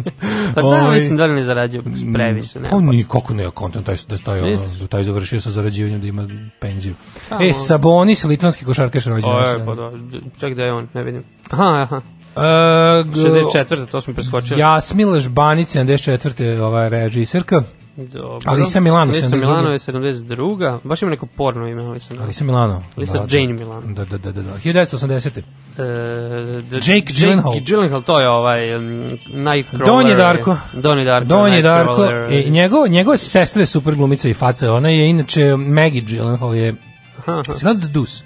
Jesam, jesam. Pa to je ona, ona glavni lik, ona, ona što ona, ona kurva što prvo provali da treba da se prebaci u porno biznis. Ona je, to, to njegov sestra. To mu sestra nisam znao. Da, da, onda Super, je ono, da. ovaj, uh, eh, 82. Mo Williams, američki košarkaš. Jeste, dobar Gary je bio. Gary Cahill. Gary Cahill, on je igrao za Chelsea, sad nije toliko simpatičan. Ali zato... Za Chelsea, na na na na, te e, crvene zvezde, znam tu stvar. Ali zato Ryan da. Babel, 86. holandski futbaler igrao za Liverpool. A evo, bil to neki poznat nešto velik? Mm, Ima dobre frizure, ovako, e, farbao se u šarena, što se kaže. A, aha, e, dobro. E, ali zato Karim Benzema, ne znam da znaš za Karima. A, znam za Karima Rašida i Karima Abdullah Džabara. ne, ne znaš što je poznat, između ostalog. Francuski futbolski reprezentativist, nemam pojma. Igra za Real, više ne igra za reprezentaciju, zato što je ucenjivo kolegu uh, porno snimkom, nekim e, uratkom. Ne, moj me da. Kako misli šu... kako đubre. Ali igra za Real Madrid, šupčina. to dosta objašnjava. Tako je, da, da, dobro ne igra za onaj, kako se zove još, Espanjol. Espanjol je, da, mm. ovaj, iz, iz Ka Barcelona. Kakav ono pak čovječ, ucenjivo je sa igrača porno snimkom. Pa koji bednik čovječ. U, ja bi za, ja bi za, ja bi za ucenjivanje intimom posebno, da, znači u mom zakonodavstvu bi za ucenjivanje tim kao porno seksualnim stvarima bi bila drakonska kazna na jedno, cilj bi bio da se ljudima uopšte e, seks izbaci kao moralna kategorija iz glave. Znači da ne da, mogu da, više da, da. ljudi biti, da ne može ono bude varijanta kao imamo, ne znam, imamo čoveka hoćemo da ga upropastimo tim što ima njegovu golu sliku. A on dobar čovek, razumeš ono. E, hoćemo na ćemo, ćemo malo na, na pomene da idemo danas. Recimo Anastasiju su prvom koji je umro 401. Pa e, je od Veseksa i njeno mužo bez seksa 1075. Papa Urban V 1370. Samo teret je po Vitus Bering, e, 1741. E, Bering, on je ovaj... Ruski pomorac. Da, ali je danac. Danskog porekla. Da, da. Plovio je za, za, za Rusiju. Za Rusiju A on je otkrio onaj Beringov more. Pa, pa po njemu se zove. Jebote, vidi, moram spomeni. Došao tabla moje ime. Jebote, ladno pomenio, on ima mocija, mora živjeti. Došao sam na kraj sveta. Ne mogu da verujem, on tamo moj Zemlja nije ravna ploča, vidi, da, evo, da, Aljaska je preko puta. Tamo kad udarimo ledeni zid. Da. 1848. umrla Emily Bronte. A 51. Joseph Mallard William Turner, engleski slikar. Aha, a, e, ovog smo juče, a ne, ajde, Sir Francis Napier, političar 1898. Pa je umro uh, predsjednik Finste Kjesti Kalio, uh, umro 1940. Baš u jeku sovjetske invazije. Da. Ove, ovaj, uh, Robert Andrews Millikan, američki fizičar 1953. Da je za nekog za koga smo čuli. Si čuo, ja imam recimo, tek 96. Uh, nisi čuo za Ignacija Bulimbašića, pilota, koji umro 76. dođući. Saga Sjöberg, švedska glumica. Danas je dan rođenja i smrti švedskih e, Dobar, da, e, klana glumišta. Znači, pazite sa šveđani. Da, da li znaš da- ko je Renata Tebaldi, koji je umro 2004. E, operski pevač. Ali pre, ali pre njega... E, Jel? A Renata, da. Renata je, ne Renato. Meni piše operski pevač. Stvarno? Pa ne znam ko je, samo sam pročito. Znači... No, Ej, Ružica Sokić ali Marcello Mastroianni njega smo e, juče. E njega smo juče pominjali da ovaj, da, da, da Jure Kaštelalić je njega. Da. A Ružica Sok iz 2013. 2013. Eto danas da. je Sjate Nikola, a mi slušamo jednu kratku pesmicu od grupe Haustor.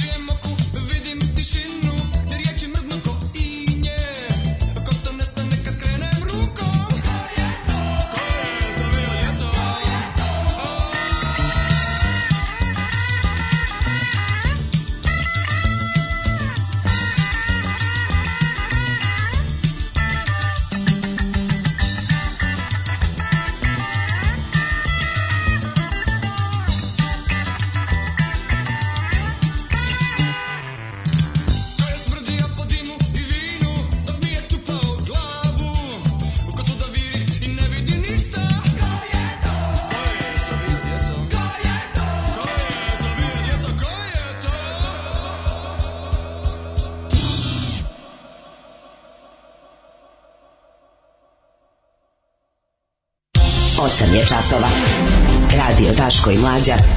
Prvi program.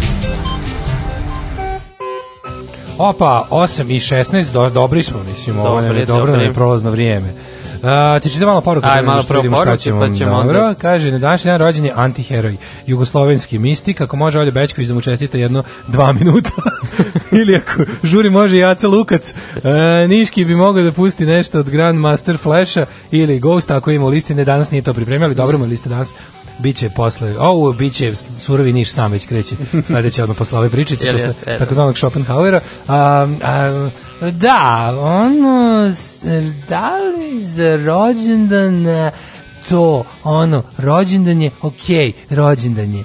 I sad svi smo tu, ono, kao na rođendanu, a slavljenik kome je rođendan, e, ako mu je uopšte rođendan, jer nismo baš ni svi sigurni da li mu je rođendan, je ovaj, e, to kao srećan, kupili smo mu poklone i e, on otvara te poklone, međutim mi ostali šta mi? kako se mi, osećamo? Kako se mi osjećamo? Srećan ti rođendan. Ovaj e, čuj ovog naše, šta bre tvoja južnjaku jedan u crski.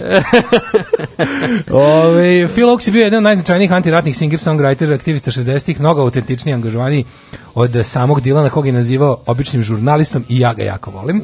Uh, Daško, su li tebe ucenjivali sličnim snimcima? Ne, ja sam sam dostavio svoje... Ovaj, ja lepo kad sam video da će da mi ovi razni informeri, alo i ostali banditi, ja sam rekao, izvinite, napisao sam im svima mene, rekao, da li vam trebaju fotografije moje gole, mog, mog penista ukrupno, uh, koliko može, i ovaj, još neke stvari, da čisto da malo promenite narativ, ovaj, jer stvarno ovo to da sam ja strani plaćenik, niko neće poverovati kad me vide... Đila se Pa ne, znači ljudi da čim mi vide moje imovinsko stanje, jasno im je da sam ja strani neplaćenik. da ti to radiš iz zadovoljstva. da, to radim iz čistog ovaj, zadovoljstva. Tako da morate promeniti narativ po kom ćete blatiti. Ako nemate resurasa, ja sam spreman da vam lično ja dostavim moje slobodnije fotke. Ovaj, nije problem. Pa kaže ovako, ovaj javite Hočevaru da mi je danas slava ako može da baci neki Opa. ovaj unijecki, eh, neki da baci unijecki. neke mantre. E, da, ako recimo može. Pa Srećan Nikoljedan čestita svim Srbima i ostalim pravoslavcima koji slave svetog Nikolaja, čestitam srečnu krsnu slavu. Ljubi vas Stanislav Hočeva. 13 dana zakašnjenja. Vi ste naravno uh, zakasnili u Kristu. Ali što da vam radim? Um, kaže, ja sam pre neki dan skontao da Olje Bečković ima i lepšu sredi sestru bliznakinjenju. Yes. Um, kaže, to džoka, to džoka, haustor, molim po niški da se A, počita. Dobra, dobra, Kako može. se čita na niskom haustor? haustor? Ne mislim na džoko, verovatno. ne, ja sam mislim džoka kad kažu ovi... Ovaj, eh. znaš kao to đoka moj kad kad Dragan da, Torbica da, tako da, da, da. kaže a sedimo u avionu još se ukrca, još se ljudi ukrcavaju slušam podcast od podcast od pre neki dan Aha. Daško rantuje protiv Obradovića kako je fašista antimigrant i ostalo kad pored mene seda subjekt fabule lično Boško Obradović e, ja sam ga video jednom na aerodromu išao za Berlin rekao ovaj sigurno ide AFD nešto slušaj slušaj možda ide u Berlin da vidi kako se ovde tretiraju migranti da da, da. kaže Darko znači I tad je u Berlin tad je u Berlin čekaju u tom redu, vidio sam. Mislim, je moguće da ide nešto. Ne, da ide, ja, AFD. Ne vjerujem, da ide Možda ide, možda je to... Boško, da li je on deo neke kao parlamentarac, da li je on deo nekog našeg međunarodnog tela za nešto, pa ide tako? Nisam ga vidio u toj ulozi Zato što nikad Berlin nije stronghold AFD, kad ješ posle da, da. AFD-u ne ideš Dobro, ali možda leti do Berlina, pa, pa ide to, da, ne, da, ne, ne znam sad. Da, upravo si, bravo. Ove, ovaj, e, da nema televizije Viktorija bi mi zvučila kao baba koja se ispoveda držati tacnu sa makovnjačama ispred kaljeve peći. Ove, ovaj, to je neko snimio dao drogi Lukasu da dosnimi muziku. Znaš da je Aca Lukas bio klavijaturista da, znam, znam, u grupi Viktorija. Ove, ovaj, otvaramo novine. Čekaj, prvo ćeš stvari, ja ne znam... Čekaj, prvo hitmet ili novin?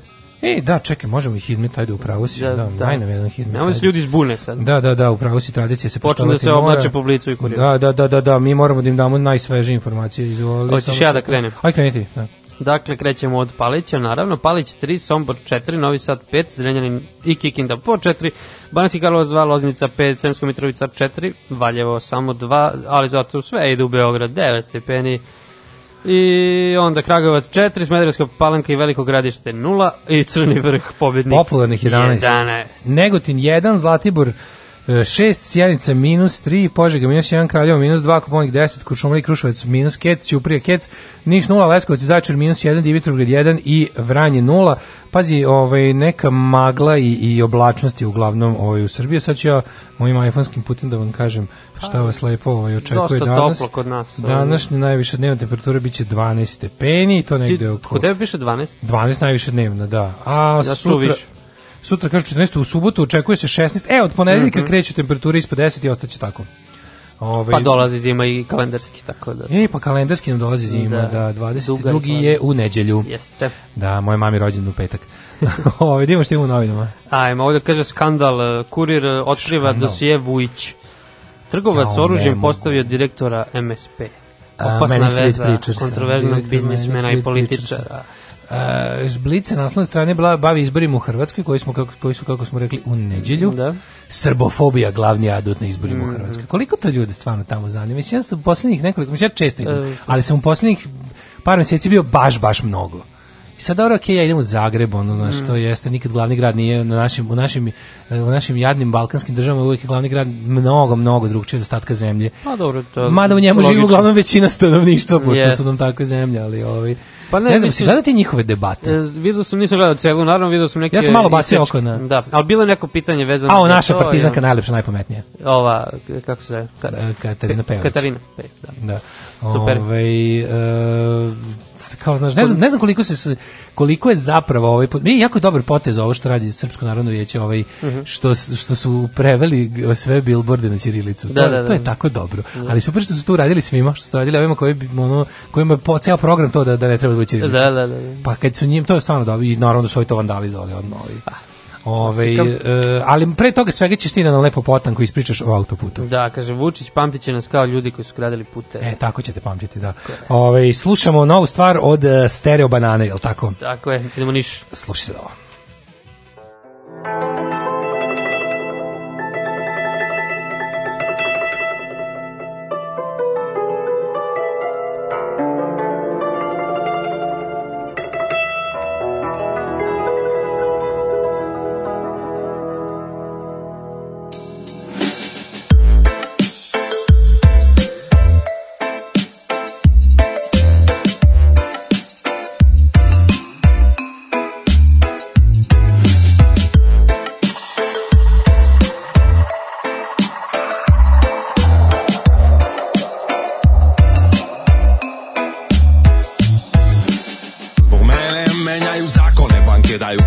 naše reke pod hipoteke Sedimo s druge strane savesti na obali Kod mahale jure nas daveži Dok ispiramo pare tu kod hidrocentara znam što mi se mešaš u biznis Odakle ti tolika smelost da se suprotstavljaš sili sve Crno na belo ko što možeš da vidiš legalno kopamo Svaki vaš protest je propao Badava pizdiš, bolje se navikni Našao si se pozvanim da isteruješ pravdu Nismo mi plitki, nemoj tako da misliš Treba sutra negde da se sretnemo po gradu Mani se tako je, vlada bezakonje I ne pokušavaj da okupiš masu Valjda je jasno da kasno sa džaba je Kad bi mogli privatizovali bi i vazduh Stavljamo reke u cevke Trcimo balvane Niz vodu puštamo otpad I hemikalije Stavljamo reke u cevke Trcimo balvane Niz vodu puštamo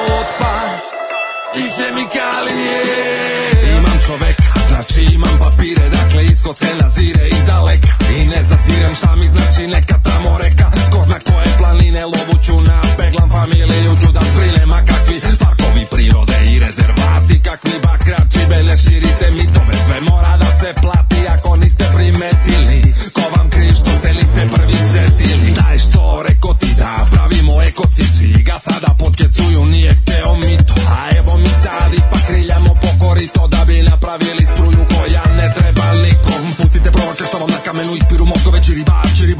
Imamo planinske potoke, pišemo biološki minimum, rešimo parnice dokumentacijom. Ne pali se, mi smo podvrsta nastala mutacijom takozvane vodokradice.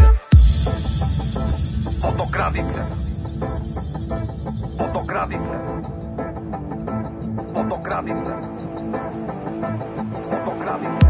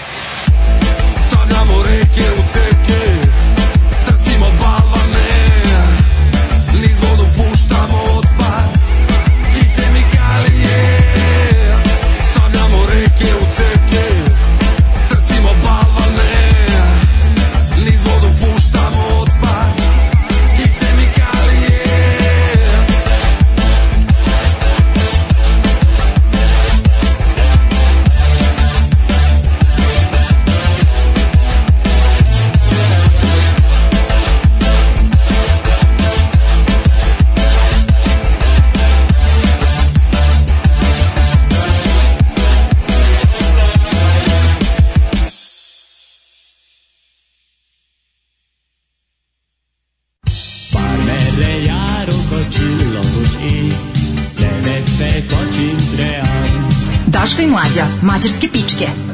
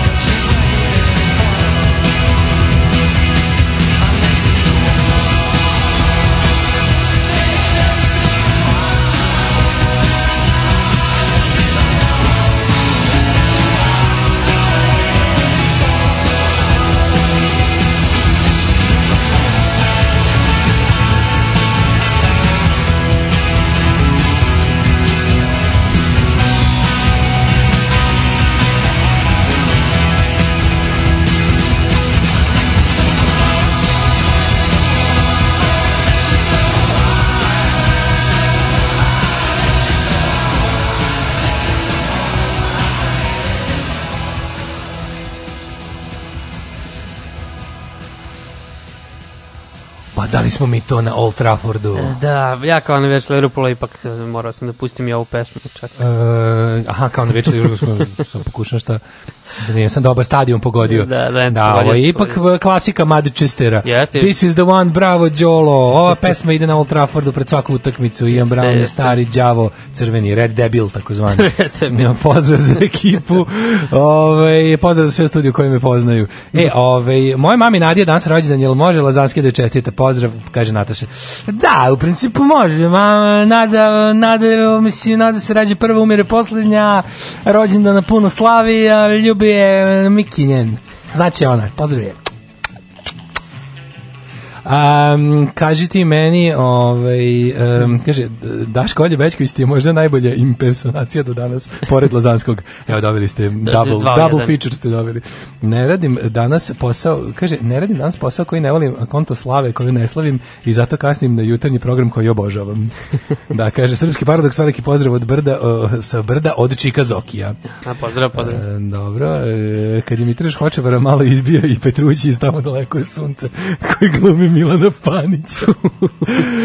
pa čak je on, ne znam da stari izgovori. To samo da. stari Beogradići mogu prepoznaju da, kad da, greške u mom hočevaru. Nego sam teo da ti kažem, ej, pa lepa vest. I gozdana vrata otvara. Da, da, da. E, pušten, e, pustilo Obradovića. Aleksandar Obradović. E, Heroj naš Josip Kraš. Jeste, ovaj, juče čovjek mu ga prošeta Valjevom. Da. Bilo slatko kad je rekao, kaže, ka, kažu da je vazduh zagađen i da smrdi, ali meni miriše na slobodu. Idem da prošetam. Da. Idem da vidim. Prvo znači, da prošetam. Ja sam pa baš, znaš ja sam malo razmišljao. Znaš, kada kad si na bilo koje, kad ti se dese tako neke stvari, to kada, kada, kad si oči u oči sa, sa, ovaj, sa, sa sistemom što mm -hmm. se mhm. kaže. Kad vidiš ta država može uraditi ako ako hoće, znači onda e, kako u stvari razmišljao sam o tom mehanizmu kako ljudi odustaju od borbe. Kako im se to nije uradio na susreću, ima ljudi koji se ne mogu slomiti. Da, da. Ili treba mnogo više da bi ih slomili ili se ne mogu da, slomiti pa se moraju da. skloniti. Ove, ali u principu ono zbog čega većina ljudi prestane da se bavi nekim aktivizmom i ono oladi glavu je pri susretu sa državom i njenim represivnim aparatom koji ti onako nekako, znaš šta ti oni, oni zapravo, na, po, kako oni rade? Nije to čak ni to da će to nešto istući. Ne, pa prvo te mrcvare. Prvo te mrcvare, mrcvare čovek koji nešto čeka, čovek mm. koji ne radi ništa i koji je negde onako e, skrajnut, zatvoren, bez da vidi da li dan ili noć i koji ne zna, znaš, uopšte, ne znam, ne, znaš kako, znaš kako puno znači kad, kako, mm. kako puno znači kad ti uzmu sat, recimo. Pa vidio Sanža čoveče kako je bio on, da, 8 da. da. godina razboleo se. Ono. Da, da, da, ne, dobro, to, to su već ekstremni primjeri. Da, Dosta je nekoliko dana da te puste kao da, da, da ti se u glavi stvori utisak da nikom nije stalo do tebe. E pa čekaj, tebi sad godišnjica da, hapšenja, da, da, jel da. tako, jel obeležavaš? Da, prebacimo ovo sve da bude o meni nekako. Dobar je taj Obradović i Krušik, ali kad su mene jednom, ne, stvarno, ne, ali svaka njemu čast, ali kad su mene prošle godine, ne, nego ću ti kažem, Foreda, stvarno pomisliš ono zašto je onda važno u tim trenucima stvarno pokazivati ljudima da, da ste uz njih jer ono, oni, da, ti, ti žbirovi panduri sva ta sila tih ono tako ljigavih likova koji ti puštaju ti kao nešto dobronamerno kažu a svi su mhm. savjetuju ma šta ti to treba da, da, treba, to, kao. to se prvo ide tako da. a to je uvek tako znači ne mm. postoji ni jedan znači, ono svi mi koji, koji se duže nešto inatimo i, i gicamo i becamo ono na, protiv onoga što se kaže sistema znamo da uvek prvi susret sa, sa prvi susret sa državom koja trebate obeshrabri da se buniš počinje sa daj kao, a, jes, jes. e kao misliš da si meni sa tu kao pri privodiš ti da se babama i nama se kao naš kao ali u principu šta ti to treba Evo pa, čuli smo čuli smo pesmu Stara banane kako kaže da, da. njega sad potkicuju da, da da da da i onda bude znaš takva varijanta da ja kapiram i onda je važno kada da u takvim momentima vidiš da je podjedan ljudima stal da ljudi cene to što si uradio i drugo da da ovaj e, znaš, uopšte da, da, da, nekom, da stalo neko, da kad si ti tamo negde i kad ti se čini da tu gde sediš ništa ne ulazi do tebe, da zapravo znaš da ti i dalje izbiješ iz, da, iz, da, iz da. te prostorije i da ono kao ljudi, ono, ljudi pa, misle na to što ti radiš i da, će, da je to nekakav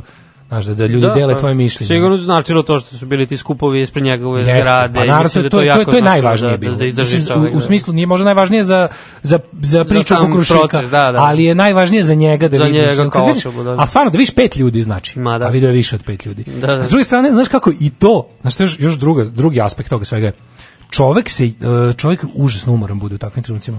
Jel čak i od tog jako mnogo, znači kako to čoveka, e, pogotovo neko ko je ono, jel, mislim obično su ti ljudi koji se nalaze u takvim situacijama ljudi emotivni. Mm da. I onda kada te takve stvari ono Znaš, kad te pogodite takve stvari, onda, znači znaš, on je, tu se, on je, on je bio primoran da bude u kući, mislim, njemu stvarno kroz tu kuću prodefilovalo hiljadu ljudi u zadnjih da, mesec. Da, i novinara i znači, sve Što je stvarno, to je bila otvorena kuća, to, to je bilo, kapiram da su ona naš, da su umorili njegove komšije, a ne on. Da. Znači, da ljudi koji, i samo ta, to je nekako jako jedan, onako potpuno sulu da osjećaj koji, koji ipak ostavlja, znaš, on ostavlja trag na čoveka da čak i od što ono, da ne zvučiš nezahvalno, kao čak se od podrške umoriš. Da, da. Jer umoriš se od svega, to sve, to sve ti, razumeš?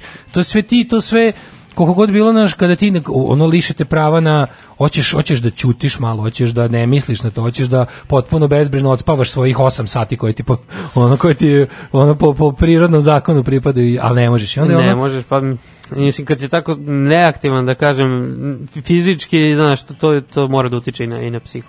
Pa da, mislim, ok, do, meni su pošto kod njega ono od početka do kraja, imaš, znaš, kad, si, kad ja kad sam ga video, ovaj, prvi put kad sam video to čovjek kako priča, kako razgovara, kako se odnosi prema svemu tome, mislim, ja sam znao da, da, da je on lik koji, ono, koji, će izdržati, koji može. Tako da, jest, tako da. Zato što ima taj, znaš, taj kod njega ima to super, on jednog trenutka, mada, znaš, u, u toj e, internetskoj patetici i to iz nekakvoj, ono, to je savremeni žanr koji je sve živo ono obuhvatio.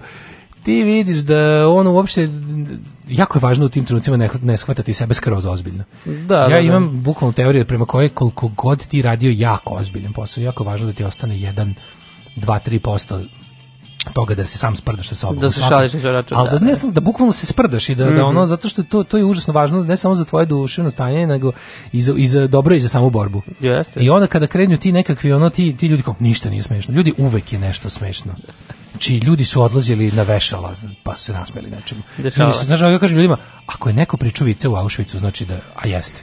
Znači, a jeste. Ne. 100%. Znači, ako je neko pričao vice u Auschwitzu, znači da, i ono verovali ili ne, to zvuči, sad neko, će, neko to kaže, to zvuči kao bezdušno ili ovako, onako, ali ono to da dobro je za... Ne, pa to je dobro je, dobro pa je za da. našu stvar da, da nikad yes. sebe do kraja, jer znaš, on kao nema ništa smešnije od ljudi koji sebe shvataju skroz ozbiljno. Mm. Šta god im bio, šta god im bio posao, kako god bila situacija, ti koji su ono, ti koji su u fazonu, u ja sam jako ozbiljan, to je bukvalno samo druga reč da kažeš ja sam previše važan, odnosno ja sam važniji od ostalih, odnosno ovo sve radimo zbog mene. Da. da nekako ono. Tako da eto srećna ti sloboda i unače nasta ono borba se nastavlja. Da, sa srećom. Borba se nastavlja, a u isto vreme nekako baš dok je stidljivo on negde oko pa koliko je to bilo negde oko To su bili neki brani popodne sati. Da? Ja sam tako čuo posle podne malo, ne znam da kad je bilo. Da, i ovaj, e, za to vreme, mislim, Srbija je napredovala. Srbija je dobila novih... Dok e, izdajnici, dok izdajnici koji ovaj, bacaju klipove u točkove našeg napredka. Da, da, mi smo dobili svojih stanova ćelija. 17,6 km autoputa Miloš Veliki od Sučina do Obrenovca. Jel bi, e, ispravim ako grešim, ali čini mi se da je ovim oboren rekord u glupim otvaranjima. Što se tiče autoputeva, nije pa, niko... Da, da, mislim da ovo naj... i manje. Ne. Ja mislim da je ovo najbeznačajnija. Treba provjeriti. Mislim da je ovo najbeznačajnija potpuno ono pompezno otvorena stvar koju je Vučić otvorio. I to otvorena i zatvorena. Kažu da već ne, ne radi, od sinoć ne radi, a ne, ne, ne radi, ne može se ne koristiti. Radi, nije. Znači, fore da su oni obećali da će do kraja godine to uraditi i zato su ovo uradili. Čisto Kako eto da dobro, bude nešto, a završit ga za par meseci. Pa to je isto kao ono kao plate je 500 evra. Sad... I ne naplaćuju se putarine, pa zato se ne naplaćaju. Kako se najbolje da počne da naplaćate putarine po kućama za puteve koje ne koristimo. da. A to je sledeće. Dođe drobnjak, onako sa onim kao ne, što ga naplaćuje pijačarinu, znaš dođe tamo i ti kaže, e, kao, ovaj, autoput nije Vranje Leskovac. Ja tamo u životu nisam prošao. Nema veze, 40 dinara. to će biti ono. Pa naravno. Sad bili su svi, osim Drobnjaka, naravno bio je Dodik. I, da, Međed je bio, doveđen, ne zašto, doveđen ali on je Međed tu, Mile. Brnaba, Zorana, Međed e, Mile je doveden. Vesić. Ja mislim da on ima neki ugovor da njega valjda fabrika bitumen ili cementa iznajmljuje. Da, da. Kapiram da kad kupiš od određenog proizvođača bitumen za asfalt, da moraš Dodika da da uzmeš. Da, da. Znaš oni dilovi što... što... Da, ga ugra, da se ugradi, da. Pa nešto imaju neku varijantu za to, nisam, nisam, Ministarstvo za ugradnju. Ministarstvo za kapitalno ugrađivanje. E, bila je tu naravno kineska ministarka. Dobro, nisu neki... O, bo, bože, ministar, ambasador. Da, oni su neki, kinezi su neki... Pa- kinezi grade, kinezi grade, to je firma 4S, e, ne znam da si ispratio. 4S? Zove se CCCCC, ali stvarno 4. Kaže, Vučić, tokom obilaska sam malo pritisnuo direktora Džanga i od njega sam dobio obećanje da će autoput od Preljine do Požega biti gotov do sledećeg godine. Znači, Vučića kojima kaže, Django, you are building my highway away, Django. Until next year. Until next year, it must be done. E, da, kaže, znači, o, Beograd i Čačak su se probudili odlučili da krenu jedan ka drugom. To tako počinje tekst na kuriru.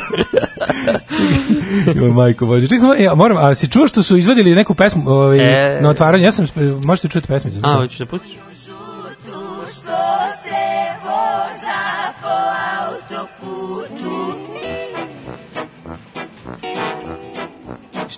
ovo strašno. Nema mesta na ovo je četvrtak pre četvrtka. Ne, dobit ćete dva četvrtka danas, ovo nije četvrtak, četvrtak poseban imate. Ovo je, da, ovo je zli, tematski. Ovo je zli pevač Lazović. Zli pevač da. Lazović je, a sad samo da kažem, u njegovu brambu imam da izjavim da ovo nije pesma pravljena za Vučićev autoput. Ovo je obična grand socko trešerana sa jako dobrim ribom u spotu koje su ubačene u neko blatnjavo seosko okruženje. Sve onako recimo kao Đuro Palica i i kursađije koji su otišli na snimanje Selo Gorija, pa, Baba se češlja. Očigledno neko iz SNS ovo slušao i kaže, e, mogli bismo baš ovo da iskoristimo. E, da, imam da, da kažem u odbranu zlog pevača Lazovića da on nije ovo pravio za Vučićev autoput juče, nego da je stvar iz 2016. Da. I Znači, znaš Ali koja... paži, autoput, ja mesec žut, a ja pevam nasak glas, idem kuću i jurim sto na gas šta će? Ovaj, ali je bilo stvarno onako nekako, ja sam vidio čak i kad su pustili, to je vjerojatno bila nova inicijativa nekog, eh, kako bih rekao, eh, pa na prednjačkog nekog tog, ovaj, nekog lokal, veseljaka, ne, ne znam, nekog drobnjaka. Ne, stvari, mene zanima koliko oni uopšte imaju slobodu da, ovaj, da da malo improvizuju. Tu, da, da, da. Pa, čuči su bili trubači, i sad najbolja scena ovaj kreće da peva. A pa kao trubačka je stvar, znaš, kao veseli, da. veselica je. Ali najbolja scena on kreće kao da peva, ska. naravno playback. to je srpski ska. A čekaj, taj iz Lipa Vac Lazović je bio prisutan. On je bio i on sad kao kreće da peva, a Vučić e, se izdvaja iz mase, maše mu i ovaj ostavlja mikrofon, izlaze, pozdravlja s njih dvojica, naravno ide sve vreme muzika, pevanje. On mi priča. I onda on se vrati i kao nastavlja da peva na playback. O, jebem ti, pa ja, ja sam, ja, sad, Pa to je možda bolje od najboljeg ikad playbacka kojem sam ja prisustvovao na Duginom po selu Bečaju. Dobro, kada to je samo po sebi već zanimljivo. Kada su ovaj grupa Perelđija imala novog četvrtog člana kojeg su tog, tom prilikom predstavljali mladog. Da. I ovaj ja bila samo tri mikrofona na bini. Jedan je četvrti mlađi pošto starije kolege moraju da pevaju, četvrti je pevao u svoju ruku. Ne? ja sam bio apsolutno oduševljen. Drži kao svi drže mikrofon i pevaju, a on drži praznu ruku i peva u nju. Tako ćemo nas trojica da vodimo emisiju jednom, ja ću ovdje da sedim sa strane i da pričam svoju ruku kad se mlađe vrati kao. Može, apsolutno. Ne se tarasi e, kao on će, da ovog, on će, on će za kaznu. Kad ne se tarasi mu da Znači, oni su otvorili 17 km puta koji nije otvoren. 17 da. km autoputa koji zapravo nije otvoren. Da, pa sam Zlipa, znači Zlipa već Lazović se ipak pojavio tamo. Jeste, bio je, mislim, ako ja ne znam čoveka, ali bio je taj neki što je, što je pevao ovu pesmu u, u uživo. Je, je da, pa još da. nekih ono kao kurioziteta tog. Ja, ja sam juče, kažem ti, proveo dan za Bodenu u, u pakete. Pa bilo je kola, bilo je ono kao posle referenduma Miloševićevog igranja penzionera, mislim, baš je bilo tužno onako da se zabrineš, da, da živiš. Kako, kako, e, ja, znaš šta sam još uspeo samo da vidim? Da. Uspeo sam da vidim samo i, i outfit uh, ministarke za Branki Orlić za integracije. Aha, ono je bilo nešto sa šeširom. Šta je ono? Kako da. tako obučeš? Mislim, Znam da nije lepo komentarisati tuđe ono da izbore, ali kao no, mislim ne sad ne napadam ja nju zbog njenog avangardnog izgleda, nego zbog toga. Malo je više. Nego što kao, kako je to jednoj takvoj ženi palo na pa mislim to meni govori je sledeću stvar, to je da ti ljudi stvarno malo mi je to ono gospo, gospođe ministarka molim. Gospođe ministarka. Zato što ti znaš da ona, mi šta znamo o njoj, ona je fucking ona radikalka urednica ove velike Srbije Velika i ne mogu Srbija, da, sve da, vreme dok pričam o njoj mi glavi ona preluša, a presmešna idiotska montaža s porno snimkom Aha, koju je da, neko da, valjao po našoj Viber glupi si gledao. Jeste. Toliko, to je toliko glupo, a toliko smešno. ja, znam da me sramota, ali ja sam to gledao 50 puta i smeo sam se. Ali ima... Da, Uglavnom, ovaj... loš, loš, fake, baš onako namerno loš. A baš 50 puta si morao. Pa nego, zato što, zato što ima, ima biser momenta koji su stvarno vredni ponovno gledanje. E, ali Vučić ima neki fetiš na kineze, ne znam da se to primeti. On sigurno kad ide na porno sajt kuca ono nešto, čini se. Mislim, osim što pritiska ove stalno kad dođu. Evo sad kaže, poručuje kinezima... Pritiska ovo je, vezuje šiba. Da. Kaže, ovo je naša, ali vaša kuća, ovdje ste uvijek dobrodošli. Ja, otkrio takođe da već dve nedelje uče kineski, znači sad sigurno već cepa ono tri dijalekta. I kaže, da, zna kantonski, kurtonski to, da, i znači, koji još. Kako bi poslao Xi Jinpingu na njegovom jeziku poruku dobrodošlice, pošto dolazi sledeće godine u Srbiju. E, nije. Dobro, ovaj... E, sad sam još, znači vidio sam Zoranu, vidio sam ovu, kako se zove, Pa Brnaba, e, Zorana Brnaba, Brnaba. i da, da, su otroje su bili. Ponako pa mislim da je nju bila malo Ja mislim da je prethodna, izvini, prethodna, prethodna sitnež koja je otvorena pompezno na ovaj način je bila 36 km. Moguće, nisam zapamtio, ali bilo je tako. Mislim da je ovo do sada najkraće, da je ovo bilo sitnije, do sada najbe, sitnije, tako da je ovo ide. bilo do sada najbesmislenije otvaranje ovaj e, o, Vučića otvaranje i da je 17,6 km. Znaš šta su pronaći sigurno tu doći opet kada to budu ponovo pustili pa napravili onaj onaj takozvani prilaz onako. Onda će da doći će oni. I biće neko neko isključenje za ne znam šta, da. će isto biti pušteno 100%. Ove, e, slušamo Morčibu, može? Može, seksi. DJ Đole, što žene vole. Drugovi, dobrodošli u partizansku eskadrilu. Alarm sa mlađom i Daškom.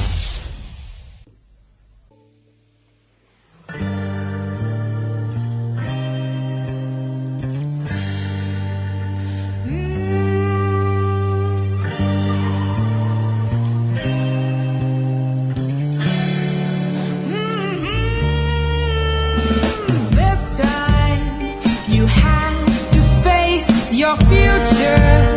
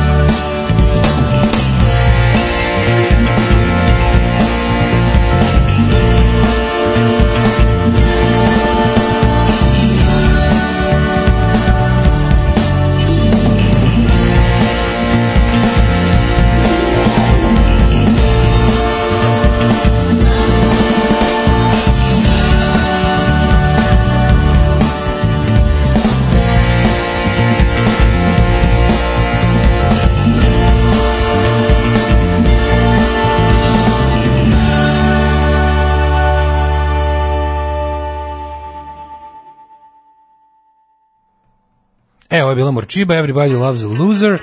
Da. evo, neko se baš jako obradovao Morčibi ili ti Romkebi, kako se kaže, ovaj, dva dana slušam Enjoy the Ride, pa bogovi ste, bog je Đole, glavni bogov, ja sam samo Danas demigad. sam ja zadužen, ja sam demigad, a... Sve lovorike skupne. Sve lovorike, dajke i kod njega, e, do, dodaje maskota, samo još brnicu nosi do bošara, ide za njima pivu već pije.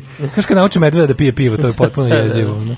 Da, pa onda ovako, dodike, dodike kao roll-up banner na svakom državnom eventu. Znaš šta su roll-upovi? Znaš, ovako za vas koji ne znate, to je onako kao kad treba napraviti na brzinu onaj neki brendirani zid ili, na, ili ako nemate mali pano koji, a to je jako jako korisno. Znači, mm. ovaj nemate treba napraviti na brzinu nekakvu scenografiju, nešto da da, da istaknete, nešto da da brendirate. To, to, to to je ovako jedan mali ovako aluminijumsko kućište iz kojeg izlazi uglavnom onako jači neki materijal na kom je pa To i gore se kači na da, da. stubić sa kukicom. Često se to je ono što kad vidite, kad vidite stranački štand ili, ili da, sponzorisanje štandova ili kad ulaziš na nekakvu promociju u prodavnici. Tamo gde stoje promontirke, to što je pored njih to je roll up, e to je Dodik koji ovaj eh, koji bukvalno isto tako može se izvući iz neke limene torbe ono. Zapravo nije limena torbe, nego Vučićeva bulja. Dodik, da Dodik da stoji, pita sve. Ovaj, Mislim, mora da, da bude, probate, se kako mi to volimo da kažem, uvek mora da bude onako kako Dodikuje. Kako Dodikuje. Treba da se da kaže, pa zar je vi pustiste ono sranje? Ja sam morao, ja nisam to čuo. Aha. Znači mora se da o čemu se radi, ja sam znao da to neka jadnost. Da. Dosta smrdi po po Bregoviću, po onom naj. Ja da nije nešto za moju smrdi, muziku. Smrdi baš onako me, metastaza Bregovića. Jeste, jeste. Baš dosta ovaj. Balkan, Balkan. Kaže, kad sam vidio pesmu i otvaranje i celu ekipu i u tim modelima, tačno su me podstili gde živim, zašto treba da se Ovaj video ću upotrebiti za ubrzano dobijanje azila u Švedskoj. Kad me pitaju zašto tražim azil, ja samo isteraš. Samo pustiš Samo youtube.b kroz dhlp crta v duplo. I kažeš, ovo je za 17,6 km. Da, e, kaže ovako. Um, važno je da se prikoči da nam usred, usled pretrene patetike Obradović ne postane novi Saša Janković, Saša P. Janković. Da, da, da. Uh, kaže, ne možemo da ispravimo naše krive drine. Da li ste videli trogao Serža Dijene Hrkalović e, sa promenjenim identitetom koji provaljuje u, koji provaljuje u teretani uh, Murar? A ja. Kaže, nenađebivo, gotovo epski. Da, to je to ludaštvo. Evo, kad smo moći malo, Triangle. ti znaš da mi jako volimo da ovaj, budemo, da, da ispitujemo celokupnu ovaj političku kaljugu naravno. Srbije, pa je to naravno opozicija sastavni deo, a uh, najviše od sve opozicije volim lažnu opoziciju. Uh -huh. Ove, koga imaš u blicu? Pa danas imamo, pazi ko se pumpa, ko, ko se promoviše, ono kao uh, Šapić. Ja, Šapić. Šapić Dobro. sa svojim spas, srpski patriotski. Gangula. Savjec ali molim te, znači, e, znaš komu je došao ovaj otpadnuti iz, e, pazi, meni je što iz Zaveza za Srbiju, Glišić? Su, ne, ne, ne, ne, Glišić je ispod, jo, ovako, milo, Težak je, težak je, težak je i patološki slučaj o, moj držanja kompletne ono raspale srpske opozicije u glavi, geneze njihovih mhm. raspada i sastavljanja, ono Glišić ispo iz dveri još davno. Da, da, da. Ali je kada su dveri, kad su bili srpski sabor dveri, onda bi on pa kad su se rasprnuli pa registrovali srpski pokret dveri. Onda je on otišao. Na čelu sa Obradovićem on je otišao, ali pazi Obradović on su stari ono Znaš, ima jedan jako dobar članak u vremenu se čita tome kad je novinar vremena putovao negde vozom i delio je kupe sa Glišićem koji je još tamo nekih ranih 2000-ih išao na te neke ono, neofašističke sastanke da, po Evropi. Da, da, da. Znaš, da se, to, to, to, je prekaljeni, pre, to je prekaljeni govnar. Mislim, i to je lik je, znaš, on ubeđeni celoživotni fašista. To da, Upadali se, su zajedno na tribine pešenika. To se neće nikada promeniti. Sad, tog i takvog Glišića je ovaj primio u, u, u svoje ovaj, e, stado A onaj ko će da ide s njim zajedno je izvesni, da li se sećaš Stamatovića? A ja, Stamatovića, Zdrava Srbija. tamo, Zlatibor Čajetina, Čajetina, Čajetina, sa onim um, paravojnim kampom paravojnim za dicu. kampom, da, da, da. da. Što ono Šapić, ali meni je super što se on navrat na nos. Mislim, ok, on je uvijek bio čovjek ono, ono magarac desničarski mu, ono mislim to, Šapić mu lik. Da, znači. baš baš. A najbolje mi kad kao preti kad se kao kad se ono kao kao on jako nadrkan lik po Twitterima, kao komu nešto napiše, on je kao je bilo, šlik preše bilo. Ne, najče bilo ono za. Ja sam domaćin sportista. O! Najče bilo ono za Spider-Man, Superman, one vic. Kako je glupo. Znaš ono što neko ono baš on je organic stupid. Ono. U mom vicu je Superman. Da, to je napisao. U mom vicu, da. Da, da, da, to je baš to. Kao, ali to... Ispo sam glup, ali nema veze. Ne, ne, ne, to to je, to je mnogo zapravo simboličnije. To u mom vicu, to ti je u, to ti je u fazonu, to su moje činjenice. Da. Razumeš? A to jeste uh, nekako to jeste simbol, to jeste glavna stvar koja karakteriše to post istinu, kao tipa ej, vi, izvini, kod tebe u tvom, ono kao, u tvo, po, tvom mišljenju, po tvom mišljenju, ono, vakcine su dobre, a ja imam drugu, jednu istinu po kojoj vakcine ubijaju decu i pravi im artizam. E, pa znači, mogao bi Radulović da im se priključi, pošto je on sad na toj liniji. Apsolutno, ja, ja sam siguran. Da se radule. Pazi, to ukrupnjavanje te naše alt-right, to je naš alt-right, razumiješ? Da, da. Znači, meni je zato žao, meni toliko meni šteta je što je ovaj što se dveri kače u Savez za Mislim, to njima njemu dve Boško Bradić mesto sa sa Šapićem. Absolutno. Sa ovim eh, kako se zove eh, dosta je debilom. Znači da se da se da se ujedini cela ta suma sišavši ta antimoderna, antiprosvetiteljska desnica. Malagurski da im Malagurski da im radi kampanju. sve te kampanje. Znači da se nakupi ta ta brown antinaučna kretenija lepo zajedno i da ono da da tako nastupe. Mislim štete postupazi i da se isele negde. I da da i da da odu negde da ćemo da bacimo klavir na njih. Da, ne, sa Stenveja sa sve sinovima. Znaš kao Stamatović jedan osnivač i predsedništva Saveza za Srbiju, on je ovaj on je izašao iz ovaj Jeste u nekom trenutku da. Izašao je iz ovaj sad je rekao da neće da bojkotuje. Drugo još ono mi imamo, imamo tako genijalnu situaciju da se ono, evo, znači Vučić je obezbedio, za sad je za svoje izbore obezbedio, obezbedio je, uh, nešto mi samo nije jasno, ima da, znači, da obezbedio desnicu, znači A, obezbedio da izađe na izbore. Da, da, za, za izlazak na njegove izbore obezbedio kao go, kao evo vam, ja sam za ove levica, pa ti pokaže Šapića i, i Miš, Mišu Vacića i, I sve ostalo, da. Ono, mislim, još samo fale nacijski. Dobro, radikale svakako izlaze. Šešelj tu pa je tu, još da napravi neku, da dozvoli recimo ono Goranu Davidoviću i, i Pavlu Bihalju da naprave svoju neku stranku, nešto tipa Arijevska liga za pa, ubijanje svih ljudi na svetu. Ne bi ni džudilo. da nešto onako baš da bude tipa ono, pošto kao da ovo nije dovoljno, naš teatar, nije dovoljno pozorište i providno, da na, napravi njima dvojica da se zovu tipa ono baš otvoreno, tipa ono nacistički pokret za istrebljenje svih koji nisu Srbi, pa da bude kao, eto vidite šta sve postoji, ako ne da, glasate da, za da. mene doći će vam ovi. Da. na što je to je obezbedio sa levo sa leve strane obezbedio vojvođanski front. E, ja da, i LDP. I es, ja ti ja sam nešto čuo da LDP sa kao neće na izbore. Ma da ne. Da, da, da, kao Čede kao rekao da kao e, nema kao nema izbornih uslova. Odjednom sa to priča. Ne, nisam ja to čuo. Ja sam to čuo. Ne znam, Dobra, da sam ja to pogrešno čuo ili sam ja to Moram možda... da proverim sa Ali to sam se ja skroz jedinim čovekom koji glasa za LDP i dalje. To je, znam ja više ljudi koji su glasali za LDP. Neko je sad i dalje. Koji i dalje glasa za LDP? on je jedan od one dvojice. A što se družiš s njim?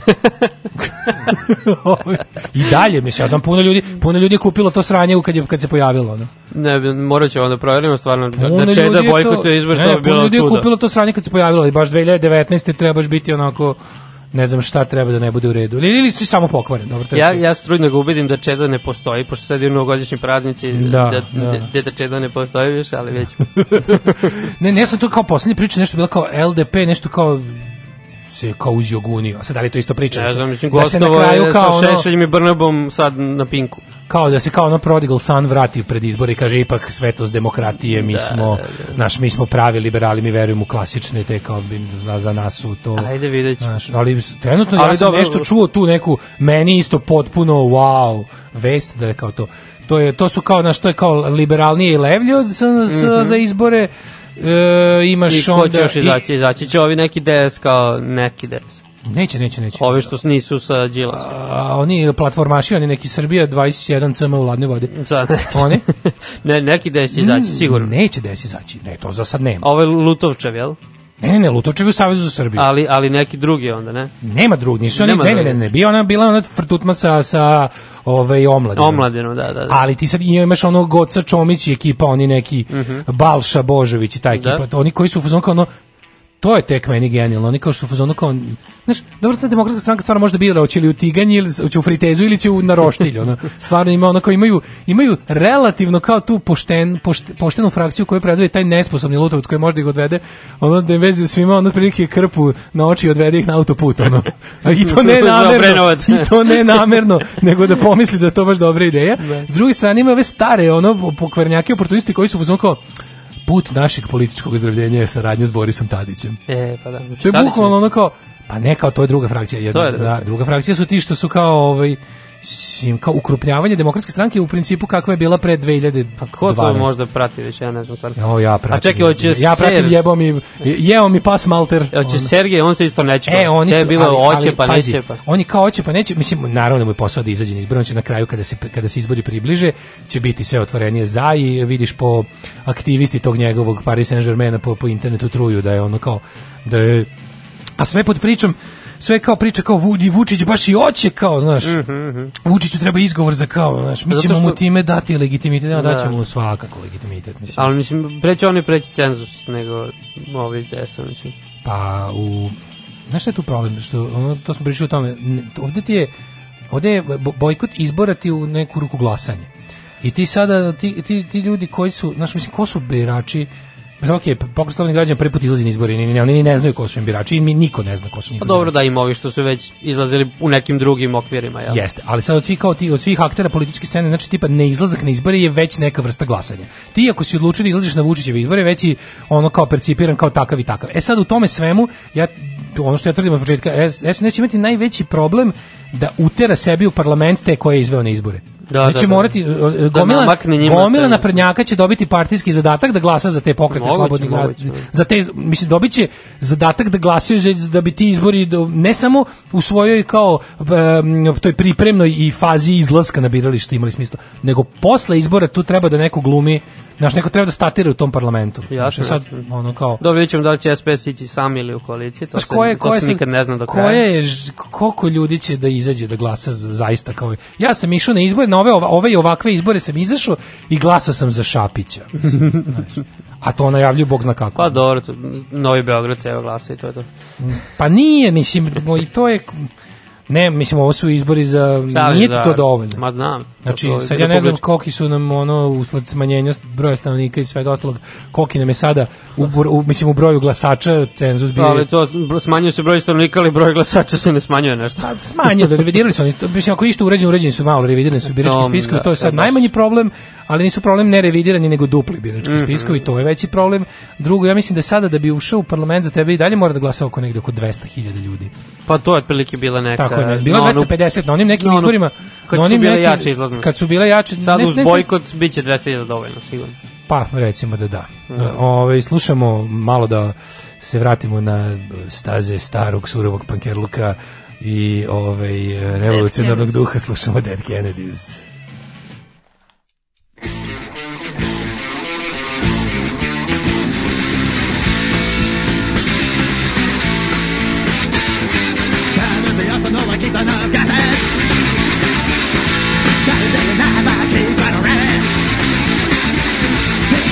Saturday, I'm gonna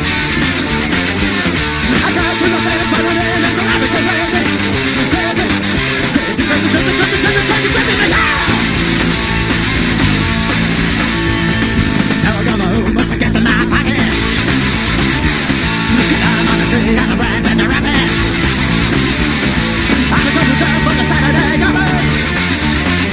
So I know what you got Chemical warfare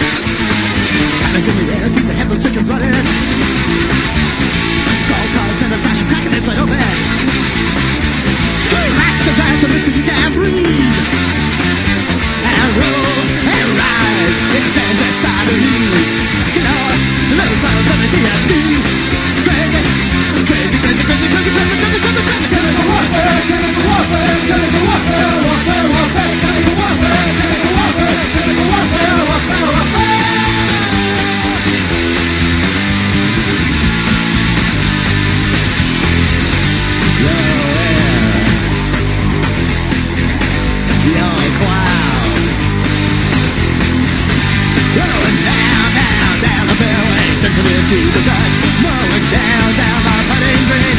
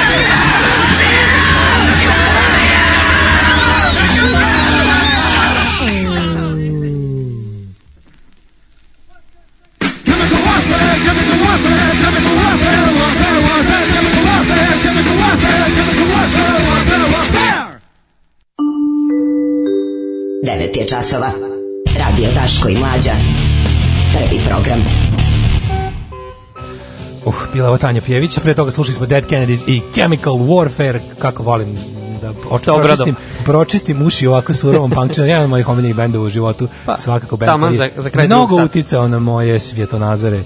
E, Chemical waffle, chemical waffle, waffle, waffle. Hemijski waffle, dobro, dobro. Pročitak negde da je Čeda dužan najmanje 450 miliona, nema šanse da se stvarno usprotivi Vučiću, to je farsa.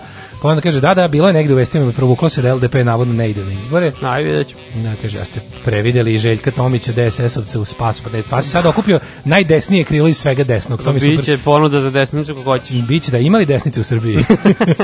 imali kvalitetne. Ne, ja ti kažem da će biti to onako baš onako nedićevska ljotićevska udruga. Moraju da pariraju, pa pazi, kakva je gužva na to. Meni super što u, to, u tom je ovaj, srpska desnica profilisana po raznim ono nakaradnim metodama je tolika kolika je samo zato što se ti svi ljudi međusobno ne podnose. Da, da, da. Pa. Mislim da ne budemo iskreni, tako radi Levica. Slično i na da, Levici, da. da. Kao Levici, tu, mi smo ovi, ovi, oni, a u stvari lične trpeljivosti. Znaš, u ovom filmu italijanskog, ono, radnička klasa ide u raj, kako se zove. Aha. Kad ih zatvore, ono, studente sve. I da, kaže, da, se odmah, ono, da, podjele. da, one kao podnosiš što, evo, već u pritvoru 3 sata, već su podeljeni četiri frakcije. da, da, da, da. da. E, tako je, ovali, Da, ovih izubrštu su, ono, znaš, meni kod desnici ipak tu ima i taj neki ono sitno sobstvenički mali. Znači, levičari su jednostavno sujetne budale, da, da. a ovi desničari su, su secike, se razumiješ? I onda ono kao, kada se posvađaju mladi levičari, to je nekakav ono kao, znaš, onako kao nisi nešto, ne, holier than thou da, taj stav ono kao ja ću tebi da mislim šta je čistoće ideologije ne ja ću tebi to je ta podela i onda ne. što ti rekao njih trojica uz ćeli izađu kao sedam frakcija dok kod ovih su ono kao znaš prvo su ono bratstvo u zločinu to ko je star s krao koje, s koje, koje kombinacije, sve su onako nekako secike se, one to je. Yeah. Da. Ovaj, Dead Candy, Satan Panonski spet čuljaka. E, idemo, u, imam, imam jednu ideju. Uh mhm. -huh. ja sad nisam pametan, pazi. Odlučio sam da uradimo ono što je najgore, da se zahlonim iza naroda. Da. Imate sada dve pesme fore da pošaljete SMS. Da li hoćete da analiziramo novu pesmu Đuleta Van Goga Dobro. ili hoćete da vam pustim nešto što sam iskopao u dubinama ovaj, najzolijevskijeg mogućeg uh, noćnog programa na televiziji Most? Da, pošto sam ja, kad sam bio Evo prvi ovako. put, onda je bio Van Gogh, Zbog pa toga, sad da ne bude sumnjivo. Da ne bude sumnjivo da mi imamo neki pik na Đula posebno i da, da. ti si neki... Đole, Đule. Neki to... Đole, Đule, nešto već tu tako. Znači, taj. ovaj, jedno je, možda ima veću, ovo je sveže i ovo je ipak Đule, s jedne strane, nismo čuli pesmu, bit će nam premijera i nama i vama, da. ako ste normalni.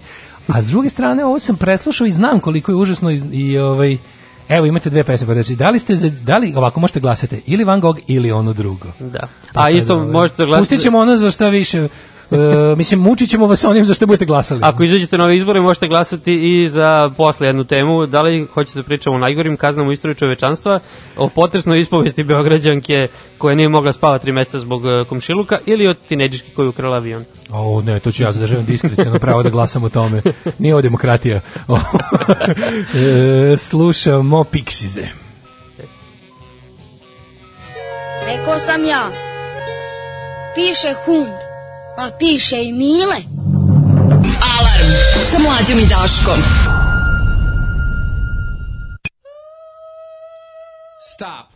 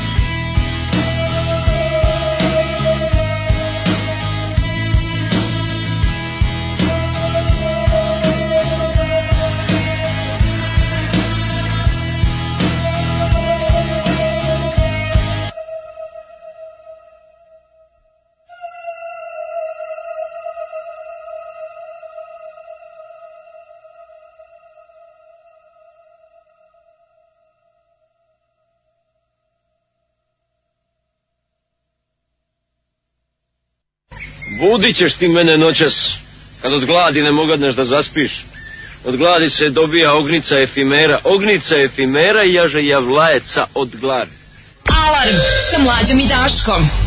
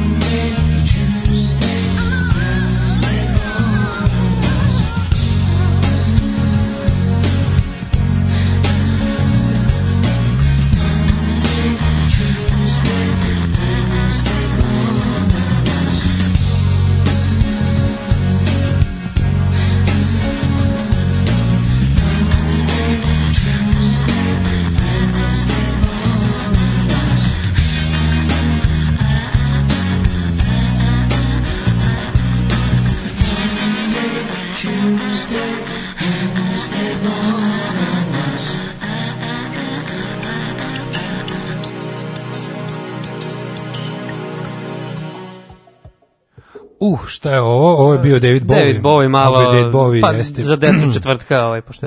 Ej, da, ovo se lepo, kako se lepo uklopio. Ovo je bilo baš da, mislim, promišljeno. Da je bio petak, ja bih bilo stavio. A da, mislim, to su takvi ziceri. A boga mi moram da kažem da ste, ja ne znam šta je s vama i zašto ste takvi, ali boga mi Đulev Nago je pobedio sa prilike jedno 20 prema 3. 20 prema 3. Pa sad na, pre, na brzinu da prebrojim. Ja sumnjam u regularnost ovih izbora i bojkotovajući sve. Ove, ovaj, pokušavam sad, da, mislim da je jedno 20 prema 3. Znači, samo troje njih je telo moj, moj rok, ovaj, kako se zove izbor. Ovo drugo, da, ono iz dubine duše muči nas nepoznatim. Od dva zla biram nepoznato, a ostalo su sve bile poruke koje ovaj, e, kaže ovako, prvo i još neke poruke koje nisu vezane za, mm -hmm. za referendum, ovaj Đole pušta bolju muziku od onog drugog, kako se zvaše, kako se zvaše, Bože. Ono ima Milutin, ne? Da. Mi, Ma, ne mogu setiti. Ove, e, pustite Sonija Vincenta, gde se njega setio, majko mm. mila. Da li može mashup Đuleta i tog drugog vnugo? Izdržat ćemo mlađe, da nećete da izdržati. Nećete. Hoćemo Đuleta. Kaže, ovaj Đule često svraća jednog kafanu u Dušanovcu gde ja visim i Đule nikad nije platio piće ni konobaru. Kad pitam zašto, on kaže jebi ga. Ove, e, kaže, bolesna ostala kod kuće, skapiram da mogu da vas slušam live posle dužeg vremena, palim aplikaciju, sačekam me omiljena Bolijeva pesma. Hvala dečaci, divni ste. Pa na čemu, nema na čemu. E, kafana se zove Donatello kod opštine Voždovac, by the way. Eko, koliko želite da odete, da vidite ovaj, Đula Čulete kako ne u njegovom prirodnom okruženju, kako, da recimo probate da ne dobijete piće od svog omiljenog pevača, kafana Donatelo kod opštine Voždovac, is a place to be. E, Ako sad, hoćete da ga čujete. Ako hoćete da ga čujete, dovoljno da, da budete samo s nama danas. I, ovaj, e, sad, pazi ovo. Vi ste kolege, samo ćete to reći. Da. Zvonimir Đukić Đule je i e, literarni pregavac. Da, da, da. To si znao?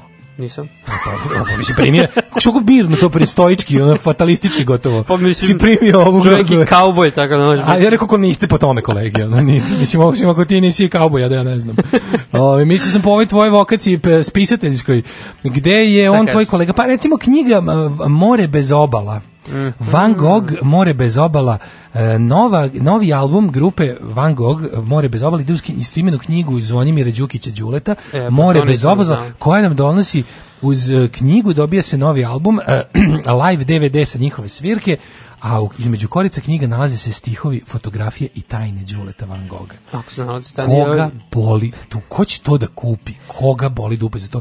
Mislim, je li on normalno da posle 20 godina poturanja svojih izdanja uz, uz proizvode široke potrošnje, koje je hteo ne hteo možeš da uzmeš, pokuša da nešto proda ljudima. Neku knjigu, da. Pa mislim, on, on bi trebao, znači, on je valjda, to je, ne se razmišljamo o tome kako je kultura kao kupovine sledbenika na Instagramima i Twitterima, mislim, Zašto ljudi to rade sebi? Mislim, zašto... Zašto kupuju lažne followere? Da. Pa zato što kad odeš kod njih na Instagram vidiš ogromnu brojku i pomisliš A je wow. to, je to investicija u neki posao? Sigurno, pa to je sve investicija. Ja neko nekih, na primjer, tih, kod tih nekih, to kad si po zanimanju Instagram prepičk, kad si po zanimanju Instagram prepička pa kupiš tako sebi 20.000, mislim, jel ti onda treba s tim nešto da radiš ili to samo služi da hraniš svoju bolesnu sujetu? Možeš da hraniš, a možeš i da prodaješ zato što, za reklame. Zato što kada imaš ovako neke, kada, mislim, Van Gogh kao budžetska stavka, kao sigurica, kao čovek koji lovi samo kad je životinja pod sedativima. I onda, nije mu potrebno, njemu pa to da. stvarno mislim da nije potrebno. I onda da. kada se, kada, od, mislim, 20 godina pravljenja sebi, te to ono Sunset Boulevard iluzija da si velik, odlučiš da prodaš, da, da zaista prodaš ulaznice za koncert ili svoju knjigu i vidiš da interesovanje jednocifreno. Ali mislim da će on sad biti, na Vesića, da će on biti primljen u udruženje književnika Srbije. To pa dolazi bio bi ono kao tamo, kako se udruženje književnika Srbije, ni Vesić, ni Đule neće biti najgori. Ono. Udruženje književnika Srbije baš hu iz hu šljam. Pa bukvalno treba jedna ili dve knjige da objaviš, što je to. Pa znam, ali znaš ti ko je tamo, mislim, koga su sve pa počasno pa primali da. tamo od 90. A dobro, počasno. Kakvi da. sve Limonovi, Radovanovi, da, da, dobro, to počasno, da, da, Sedeli, ono. Uglavnom, ovaj, e, e, o knjizi. Mislim, ovo je sve za uvodu pesmu koja se zove Emotivno miniran, koja se nalazi na albumu koji se dobije uz knjigu. I sve je to zajednički pod okriljem ovaj, koga ćemo ganjati, lagunu ćemo ganjati. Naravno. Kad dođe pravda. Znači, mi ovaj, smo sve... Kome ćemo zakucati na vrata, lagunićemo. ja sam ubeđen da smo mi ovu pesmu slušali tada, jer smo tada slušali ceo album, ako se sećaš. Ali ne znam to taj slušali album. Kratko. Ja, ja, ja da se ne sećam knjige. To je bilo u a vidim da je, a da, knjige su njanesu. Ja se ne sećam knjige. Ja, ne, ne znam ja da. za knjigu. Rođen 63. vršnjak Kventina Tarantina, Julijana Lennona i Johnny Adepa kako se on ono ugurao, onako kurirački, kako se da, da, kurirački da, ugurao među velikane. Yes, yes, yes. O, da, to meni isto kao, kao kad, će, kad je Nick Cave? Mislim, ne reci ništa više. Šta treba znati meni? Da sam rođen istog dana kad je Nick Cave. To puno govori. E, zvonim Đuki Đule poznat kao, nepoznat kao pevač, gitarista, autor pesma. Uglavnom, poslušajmo pesmu pa ćemo da vidimo šta je ovaj put nije u redu. E, samo ćete reći da u kadru koji otvara e, spot piše El Paso City Zlatibor. Tako da me već iznervirao vrti se vetrenjača na krovu drvene crkve, Ghost Town je tu, znači sve je šerif, u... znaš kako je sotko, gledaš i ti ili da uživo? Da, ja gledam audio. Ali El Paso da. City, jao, evo The News, tu je jomče za vešanje, kako je sve jefte, nisu se potrudili čak ni da uzmu one ne naj... Ja sam otvorio neki pogrešan, moram sad da nađem. A, evo ga. Amiran Te da vidiš mm. kako... Zašto Volker Rea ima u pesmu? eksplodiram. Pazi, članovi benda kao glume. Da Znaš šta je on? Ovo je on kao teo da napravi... Šta? Naša situacija. ova situacija. Ovo silovo se vojaplija. ova situacija. ne, ne, ne, bacao se vojaplija ni stepenište. Bili smo kauboji i sve je bilo kauboji.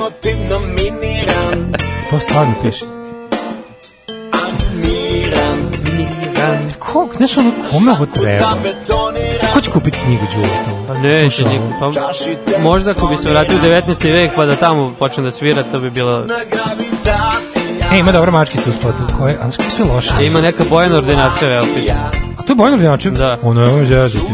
Ona se zove divlja reka. On jeste, jeste, da. Dajte više njema manje Đula, ono. Ne, Jaše konja, evo. Da li, da, li, da li ćemo ovo dodati na spisak zločina Stamatovića? Ili on dao da Zlatibora snimaju? Znači, možda Stamatović ima neki kamp i za kaubojice, ne samo za ove... Kako loše. Ali kao band glumio spotu Đule. Đule ne propušta da ispadne najjača faca. Znaš šta je ovo? E, Đule je, ovaj, kako bih rekao, on je sad gledao Once Upon a Time in Hollywood, pa on je znači da, da, da, da. movie within a movie, nisam, film u filmu ima. Nažalost nisam još pogledao, ali Vidim da ima da se napali. Da pa možda što je Tarantino ovaj. Ja bi sada ja bi sada da nastavim da da da ovde da, da bljujem i pljujem, a ne mogu kad se ložim na Bojan Ordinačin. Da, jako zanimljiv spot. Jako je teško. Jako, jako je teško sad izvio ostati u fazonu. Hoću da miniram emotivno đula kad mi potura Bojan Ordinačin svako malo pred. Ona sad vodi dva konja. Znači da. kao početak ono na TV 1000 posle ponoći. Ali dobro ipak stari Jago Manjak đule dovoljno ubacuje sebe u spot da bi mi da bi mi ostavio minimum radnih uslova za pljuvačinu. a ovaj klinac što svira gitaricu, to neki. To je onaj Pa, mali Đule. Pa to je mali Đule, da, da, da. Mislim, priča se odvija na dva vremenske nivoa i obe su sranje. Da. Potpuno neverovatno. A ovo je malo kao balkanski špijun kad ide ulicom. Ali, da. znaš šta mene zanima? Sad ti, sti, ima nekad bende, se bavio pa ne, ne, muzike? Nisam muzikom nikad. Nikada? Totalni antitalan ja mene zanima kako nastaju ovakve pesme, kako on ovo napravio, kako se ovo, znaš, ono... Ovo... Pa kad neki talent o, ostane dosledan ideji da pravi loša pesma, razumeš, ovo je, ovo je prosto neverovatno loše, ono, zašto sad oni svi gađaju Bojan Ordinačev, mislim, zašto ovo, a ekipa izgleda kao ono u filmu Mala pljačka vlaka, ovo, ovaj. da, da, da, da. takvi su otprilike. Ove, ovaj, i oni su svi uprali pištolju Bojan Ordinačev, ja svi su upeli svoje male pištolje u nju, ona Nije, se predaje. Nije, ovaj, Đule ima onu Winchesterku sa sve onim, onim mehanizmom za repetiranje. Ima, ima, ima, da, ali kada kad upeli nju, a evo se četiri kaču apokalipse. Kako apokalipse. Kako je ovo dobra nizina. Zašto je morao Đule da ispadne najveća? Pa zašto nije pustio nju da pobedi u spotu? I e, on baš dobar stvarno kadar ima u spotu. Ono kad jašu prerijom to, sa da, da, Zlatiborskom. Da, da, da, Baš je dobar kadar, dobro usnimljeno. Ne, spot je skroz high production. Ono. Ali da se ne lažemo kako on je kao Vučić, on ne može, mislim, zašto sad ne pusti da na kraju da ona ispadne najveća faca u spotu? Ne može Brnaba da ispadne nikad veća faca od Vučića. da, da, da, to je baš ta situacija. Ono. Nego me zanima kao, kako ovu pesmu napraviš, kao ti sitno to, kao sam emotivno miniran, to... Miniran, da. Znaš, kako... Misliš baš tekstualno? Pa sve zajedno, kao, kako te ta drnda, ta dosadna muzika, kako su napravili to sve, na to mi, to meni nije jasno. Ono. Zato što je to čudna gravitacija bila Čekaj da vidim sam kraj, će se nešto desiti, ali izgleda mrka kapa. Ima, ima još malo, ima još malo. Samo malo, evo, ustala je Bojana, došla je do rešetaka, međutim ne. Ništa se nije desilo. Sve se završava kao film od umiranja. A mi prelazimo na Joy Division da se spasimo iz ovog Ajde. pakla divljeg zapada. Sami ste tražili. Sami ste tražili.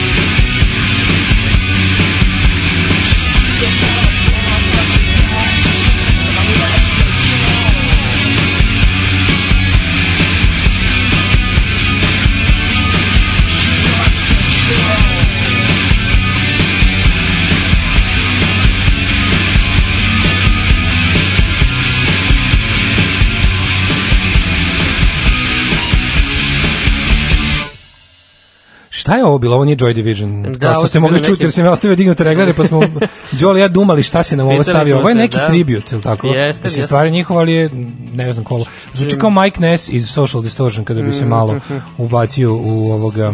Sad ću pogledati, to je probaću da-, da, da Neko znoji tehniku, čujemo vas u studiju.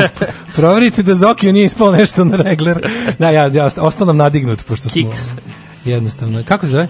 Ne, ne, šalim se, rekao A, Kiksen, napravi. da. Ove, ovaj, ispušće regleri, e, lostovali ste kontrol, čujete se kroz pesmu. Ne, yes, malo. Girl Against Boys. Girls Against Boys. Yeah. Jeste. Uh, moguće, moguće. Uh, predsjednički dom izglasao opoziv Trumpa, da, to je predsjednički dom ko, za koji smo i rekli da će, zato što tu demokrati tu imaju demokrate, da. većinu, da. Senat će to da stopiri, to će biti to. Je li vama isto pali centar za nasilje što Đule ubacuje sve reči sa R misleći da se mačkice pale? Đule mi muvo kevu pre deseta godina, izvao jednom da zajedno svratimo u studiju kad su snimali pa. neki od svojih govnarskih albuma. Obe, obe smo nekako prirodno odbile to live mučenje ušio i posle se nije javljao. Jo, kako dobro, viš ti njega. Sam znao da. E, kaže, i najgore pesma može se istrpiti uz bojanje ordinače. Viš, znaju oni trik, pa znaju trik, mislim. Pa o, da, da, dobar je spot, e. dobar. Kaže, ovaj, kupuju, kupuju ovu knjigu Johnny Štuliću na veliko, ali dobro, Johnny Stulić je nešto drugo, ljudi, ono kao Johnny Stulić je, ne, Johnny Štulić nije praškađija, nije ja, ono, nisi, tada, ali, John, si... Johnny Štulić nisi ga dobijao uz faks jelizim bez fosfata, da. Johnny Štulić možda meni ja, ja priznajem njegov značaj za ono kao njegovu veličinu i to sve. On je meni odvratan lik i nikad nisam volao ništa što je ni Slavo kao je napisao. Da. Pogotovo mi ide živce njegova prepotentnost i to je sopstveni značaj koji ima u svojoj glavi. Lepio, čak, to je sve, na, ali ja ne mogu da ne kažem da on nije ogroman. Ono, da, da. Čoni Štulić je, mislim, ja ove stavove moram da iznosim ono ispod daha, ono da, da me ne bi nalupao neko kad govorim to što mislim. Či znači, to, to je takva je situacija. Dok ono reći da je, da je Đule užasan, to je ono opšte mesto. Već malo, ti, malo da. ti bez veze to govoriš. Ono, da, već, da, da. već je kao malo daj, nemojte malo njega. Žao, da, da. To je, nekako mi nije zaporediti, kaže, najbolje bili koji uzima tu knjigu Štuliću, uh, pljuje mi Fredija i Queen, a onda pita da nemate novi CD od Dejana Cukića. E, gde ti radiš? Ono, da. gde ti radiš? Gde se to sve dešava? Kaže, uh, e, o, ovaj, alo, nemam nikog na poslu u pustinje, mogu da pojačam koliko hoću, kad idu Dead Candy za mi pustite Đuleta. Kaka, nije lepo smeti se tuđe nesreće. Nije lepo smeti se tuđe nesreće. Nije, nije. Ove, ovaj, kaže, a, isključen, mudro isključeni komentari ispod Jubito spota. čudna e, mi čuda, da, da. Čudna čuda. Ove, ovaj, ajmo jednu da brzinu temicu, molim te, pre nego što odemo znači, u jet set. Pregaš tema, ne znam, hoćeš Đokovića sa Aj, u, to mi super, tam je super, onako kratka znači, je. Znači, Đoković i seks, to je. Đoković je ovo da. mučenje, možda nam ostaje za da, sutra. Da, znači jedno veliko istraživanje Slušaj, da, ovo, ovo je skroz dobro, ovo je samo u kuriru mogu ovako. Istraživačko novinarstvo kaže ovako, Noleta volimo više od seksa. Tenis iznad svega. Jedan od najpoznatijih sajtova s filmovima za odrasle objavio je da mu u Srbiji opada gledano za čak 8% kad Đoković igra svoje mečeve. Bolji je od seksa, bolji i od predigre. Soki pedigre. To su naravno e, devojke se kunu da je nole jedini koji brže može da, da. od X video sada ih napali. to da ne ne E, koji si ti porni, koji si ti škola porničarstva? Koji, si, koji je tvoj izbor za e, porno sajt? Isključivo amaterski. Amateur? Da, da. A, a, amaterski, znači. amaterski. Ček, ti, ti si ono moćni portir škola pornografije. Nisam znao da je moćni portir. Čekaj, šta je amaterski danas? Da, on je u fazonu kao samo, ali amaterski, je li to kao baš, baš kućni uraci likovani ili, znači, to je tvoj izopač. Da, da, da. Evo, mi to poznajemo mladog, mal, mladog pokvarenjaka iz Niša. Čekaj, čekaj, čekaj. Ove, ovaj, E, zašto? pa ne, ne, stvarno se nije zašto, to nikad ne pitam, nego da, da, to je ovaj, mada sam radoznao, nego drugo me nešto zanima. Ovaj amaterski to je zato što ono što se danas snima po tamo po Majamiju, po, po znaš kao to se sve smatra, to se sve podvodi pod amateur porno. Što Aha, meni nije okay. oni što su kao amaterski. Oni razni neki da, zato su da, kao da. male produkcije, znači kao ako nije porn valley, ako nije porn valley, ako nije kao što se i u filmu, znaš, ako nije hollywoodski studio sistem, onda je to independent movie. Da, da, da. E tako se sad ja amateur porno ispalo sve što nije baš iz porn valley ili iz private ili iz Dorsela ili iz neke mhm. veće, kao sve ove internetske produkcije koje imaju isto mislim ono kao isto je to production value koliko toliko dobar ono. Da. Znaš, ali ti misliš baš na home videos. Da, da, da. Znači to je your thing, a? Dobro, i gde to najviše X videos, gde to gde to kopaš? Ili ima neki sam, samo za to? Pa to onako sve. Koji ti vreme vreme promeni kad mi dosadi sa. Ja mislim se vreme znači. na vreme pominjati zajedno sa pornografijom. Onda zamislim Ljubu Ninković i onoga Asima nisam, nisam emotivno vezan za sajtove sad, ako me to pitaš. Da, ja ne znam da sam ja ikad pogledao ono, osim ako mi nije neko posle neki namenski lik, je video ovo kao pa da se nešto izbečim, ali u principu ja mislim da, da kolevka i, i dom moje pornosti je X videos. X videos, dobro, to pre, nisam, nisam više tamo. X videos, nekako, znaš što mi se čini? Da je nekako user friendly, je, nema nekako, ne otvara neke gluposti, nikad nema nekih pop-upova. Bilo dosta izopača tu, kako se ja sveća. X videos je najizopač, naravno, da. i ovaj, dobar mu je search, ne, ne nudi nešto kao. Kada ukucaš, kada ukucaš Brazilian fart fetish, to i dobiješ. Ne moraš da gledaš nekakve, ne moraš da gledaš... A ne Đuleta uz Tako je, znači, ne moraš da gledam nekakvu ono mamu lažnu što zavodi... Ovaj, Mada e, Bojnor je načela kad se pa... Dobro. Dobro, i koji, a koji to sajt opada kad Nola igra? E, pa ne znam da li piše sad, mislim da nisu napisali, zato što vratno nije tačno, ali kaže, jedan od najpoznatijih sajtova, sagledno to piše, e, d, da, da, objavio je frampantno istraživanje. Frampat, frampantno. Peter e, Frampton. oni su pravili poređenje gledanosti svog sadržaja u zemljama, čiji sportisti su igrali važna finala velikih takmičenja i tako su skontali da kad ljudi to gledaju, manje gledaju bezobrazne filmove. Pored finala ženskog svetskog prvenstva u futbolu. A znači istina je da je u stvari ta potreba za pornografijom, to je neko, nima je bila ta neka teorija još ranije, da je kao ti dekadentni sadržaj u javnosti, šundi, mm -hmm. kiči i ostalo, nastaju kao u nedostatku, kao, jel, uzbuđenja druge vrste. Pa kao boljih, pon, kvalitetnih sadržaja. U staživanje ušlo i finale Wimbledona, zato je to. Znači, Đoković i Federer, jel? E, švajcarac. Dakle, naš, tenis, je rešio to u svoju korist, bla, bla, bla. To je trajalo nešto 5 sati. Dobro, nećemo sad o tenisu pričati nećemo. svakako. Uglavnom, kad se to igralo, tvrde ljudi. Kad Nismo došli ovdje da analiziramo tenis. Ali piše sajt koji nećemo imenovati. Dobro, to mi sumnjamo. Sajt koji nećemo to je verovatno Pornhub. Zato što, pazi, mm, Pornhub je naj... On je uspeo, Pornhub je uspeo ono što drugi nisu. E, X video se by the way gledaniji, ali je Pornhub po, popularniji u smislu da ga ima više u popularnoj kulturi i u medijima. Oni su, Pornhub je napravio svoj, a, i još nešto, Pornhub ima veći broj članova. Znači Xvideos je free porn koji ono da, da, ovi su naj sad... imaš Xvideos premium isto, ali da. ali nije nešto baš.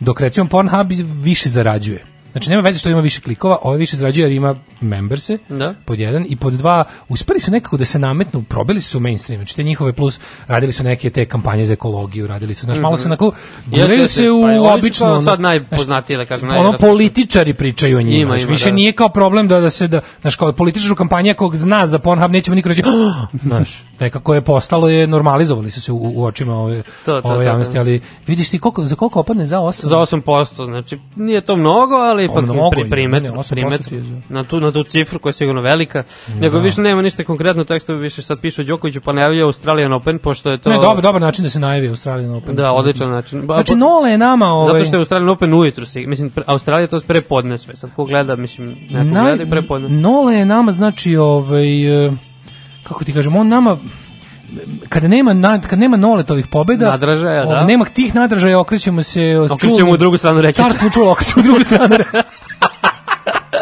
kada nas nole ne reketira kako je da. Bog zapovedio, okrećemo u drugu stranu reketa i e, sve. Je, da, šeljimo. Hoćemo u ovaj ček sad da pročitam par poruka. Ajde poruke. Kaže jedan glas za tim X videos. E kaže predlog pre, pre, predlog za mladog đola lastery.com. Kako? Je? last, kao lusteri, ali Aha, kao lusteri. L, lusteri sa Y. lusteri, ne, neki znači nije lusteri. slovački sajt za prodaju rasvete, da. nego je ove lasteri Dobro. sa, sa Y. Okay. Kaže, ovaj, kakva je oblasfemija, samo Pornhub. Pa onda, ovaj, znači, kad, kad nema noleta, zavlada nole seksoman. Da nole seksoman, naravno. Tako je, tako je samo amaterija. Najbolje fotke su na Redditu, Gone Wild sve što devojke same kače bez namere da se zaradi i da ih neki eksploatiše. Tako je. Ove, e, idemo u Jet Set. Mislim Idem. da se ovaj, bolji, srodnije teme nema. Da.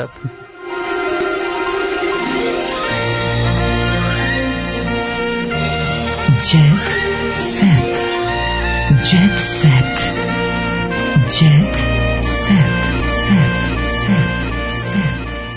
i neki tube galor, mislim, ne sumnjam da će sad da krenu. Da, sigurno ima.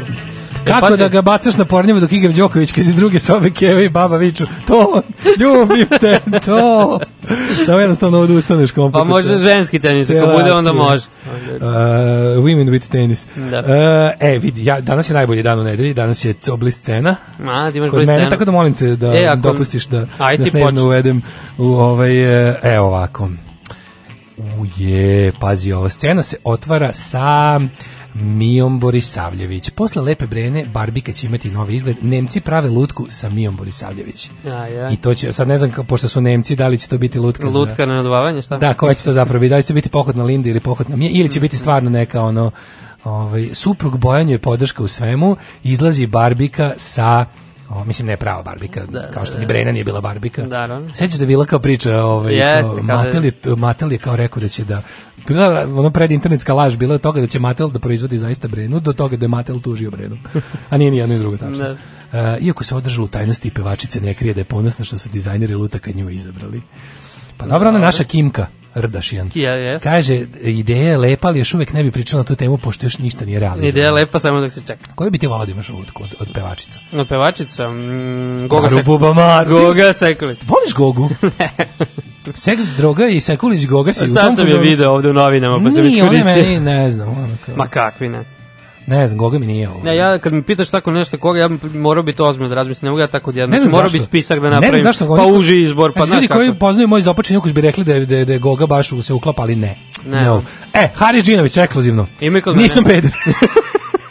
I sebi sam vedem. težak, a ne saradnicima. Slavlje za novu sezonu sjajnih serija. Da, mm -hmm. kaže, ne, zašto Haris? Kaže ovako, pevač priznaje da je svestan svog karaktera, ali da je to, kaže, u cilju najboljeg ishoda za ono što radi. Pa misli da mu kolege ne zameraju što je zahtevan. Mm -hmm. Zahtevan traži bar ono 20 ovaj, evra po pesmi. Da. E, čini se da su vam sitnice važne u životu i da dva koncerta krajem decembra. To je ova rubrika gde sluš, čitaoci pitaju. Evo. E, da li vam se dešavalo da žene flertuju sa vama? Peter Harris. Kaže, prvo da napomenem da je to normalno, pošto nisam peder. Dešava se to svakom muškarcu koji se bavi sličnim poslom. Kaže, izađe, naflertuju ga ko blesavog. Ide kući, ne može dva dana da sedi od flerta. Ono. Peče ga sve, kaže, to je normalno, međutim, to je prošlo vreme za mene ozbiljan sam i porodičan čovjek. Porodičan čovjek, dobro, ja, sumnjivo. I nisam, e, a ja, kod, kod mene je star sudarni malo povezan sa politikom. Znači, rešili su da rektorku Popović oblate tako što će reći da je Saša Popovićev brat. A da, da, da, da, da to mi je jako dobro. To se vidi Popović je rektorka. Više ne znaju kako, niko zna kao, hm, kao ta pametnjakovićka Srbija na čijoj strani je rektorka, oni se gade mm, granda. Popović. Idemo tako. Ima neka krvna veza, tako se zove. Ima neka krnja veza. Da. Uh, Slova, evo ga, ono juče što, smo, što se šuškalo, konačno je priznao da je uh, spevač Slobodan Radanović uh, konačno u javnosti se pojavio s devojkom Jelenom, za koju mesecima unazad tvrdio da mu je samo prijateljica. To juče bilo. Od skoro smo jedno, dugo, uh, od skoro smo jedno, dugo ništa konkretno nije bilo među njim, ima malo problema. On ne može na prvom, drugom, trećem, četvrtom, petom i šestom sastanku, ali kasnije kada krene, evo, u, tu je u sceni je i Šta je ovo? E, se Palčar dolazi na exit zajedno Jeste, sa Davidom Getom. Da, da, da, i Pet Boysnom. E, znaš ko je Nataša Pavlović? Uh, Nataša Palmer. Znaš samo, možda ne znaš šta tako zove. Plastična žena? da. Jeste? E, možda ćete provesti zajedno novogodišnje praznike, pošto je najavila da ide na porodični odmor u Beču. E, slušaj, samo ti kažem, kad smo kod toga, da ne zaboravim, da? kod tvoje nove godine dobio si preporuku od slušalice. Okay, da. Kaže, Mađari se jako lože na vatromet za novu godinu. Đole da ode lepo na citadelu za ponoć Dobro. i da gleda vatromete, pogotovo sa mostova. E, vidiš, što da e. ne. E. Hoću. Tako. Ako ne bude baš minus 10, što da ne. Ove, um, onda imamo... Gde će, gde će, gde će, ona kog ova koga ću da skim u Beču. Sa kim ću da zaboravio sam? Sa Natašom Pavlović praktično ženom. Sa plastičnom ženom. Si srećan. Pa, gledat ću da ne budem u istom biciklu, što bi se reklo. I vidio sam oglas. Ima ona grupa na Facebooku Srbiju u Beču. Znači. Da, da, da. da pa ima, kaže, tražim cimerku za stanovanje u, ne znam, 11. biciklu. Jasna Milenković jam je otvoreno o ljubavi. Epi kod mene jam intervju, šta je to, veliki povrat. Se to integrisala redakcije, da. jebote, šta se ovde dešava? Jasna Milenković jam o svom ljubavnom životu. What the fuck, man, what the fuck? Nekad su me hteli motorci, a danas mi jure klinci. To Ko to kaže? Naslov, jami. Kaže jami da. Sportisti su najbolji za vezu jer su u formi. pa to je to. to pa šta su, treba da rade? To su klinci. Pevačica kaže da su po njenom ukusu odbojkaši, košarkaši, vaterpolisti, futboleri, ali i golmani. Da, da, da. Znači, samo da je slopka. ali ona, golmani, kao golmani, ono ali golmani, malo, da. Ona objašnjava da takvi tipovi odgovaraju jer su u treningu. Šta je to isti, isti tekst ovde? O, Pevačica priznaje da su ranije po njom moćni muškarci slali avione, ali tvrdi da među njima nije bio Milo Đukić. A ne, ne, moj, da. moj omiljenu, bre, moj omiljenu, da, stvarno. Kaže, Čekaj, nekada su mi jurili motorci, a sad mi juri klinci, tako piše. Tako radi. Bukvalno jedan kroz jedan, kako moguće? Pa blici, ovaj, kurir, jedinstvo, ne znam šta je. Čuje, baš, da nije neko prodao isti, mislim, prodao. Da. Ove, ovaj, uglavnom, ništa nije operisar, ali ubrizgava hijaluron. E, ne želim prirodno da starim, ali nisam ništa operisar, to piše. Da, Vladimir, evo, evo stojke, to, e, čekaj, to, nije to stojke, to piše, ne znam ko je to. Gde viš? Čekaj, ko je ovaj?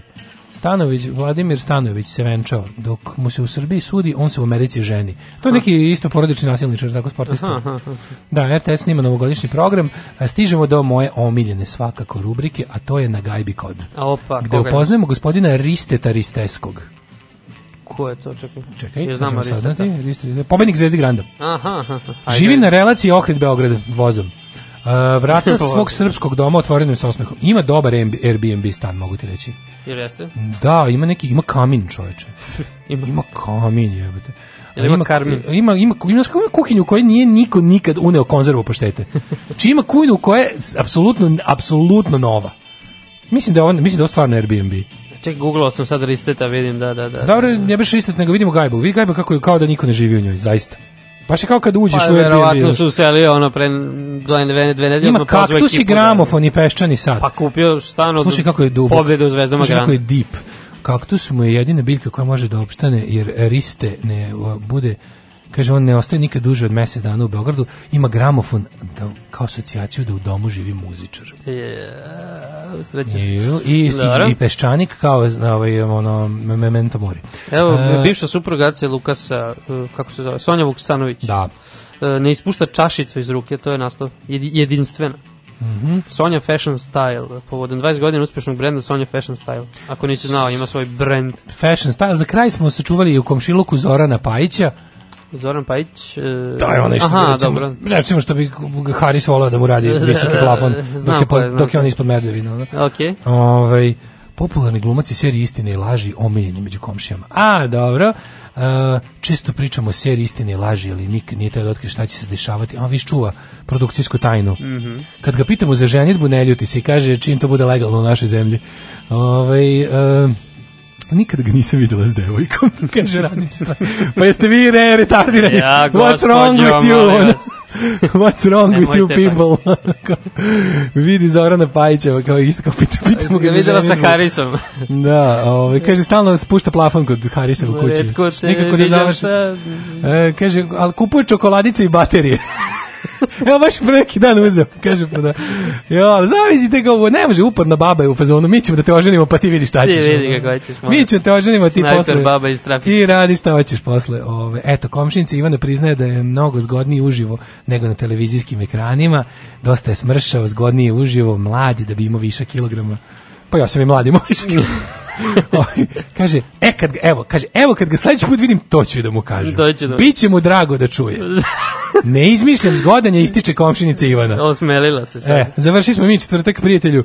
Ovaj, dobro je, dobra. E, dokaz da te mladi vole je i to da je samo tokom ove emisije stiglo čak tri izveštaja da nam je neko calnu kintu na Vobana. E, vidiš. Tako da vidiš, mali, mladen je u potpunosti zaboravljen. To je zbog muzike sve. Potpuno, znači, kad se bude vratio, kada mali bude krenuo u prvi razred, svi će govoriti A, ali naravno, biće će mladenovaca uvek. Biće uvek mladenovaca. Ovi, čujemo se sutra. Sutra, U istom ćao. sastavu, ista meta, isto odstojanje. Yeah. Oh, you touch my -la -la. Tekst čitali Mladin Urdarević mm, i Daško Milinović. Ton majstor, Richard Merc. Realizacija, Slavko Tatić urednik programa za mlade Donka Špiček. Alarms svakog radnog jutra od 7 do 10. Oh, you touch my tra-la-la.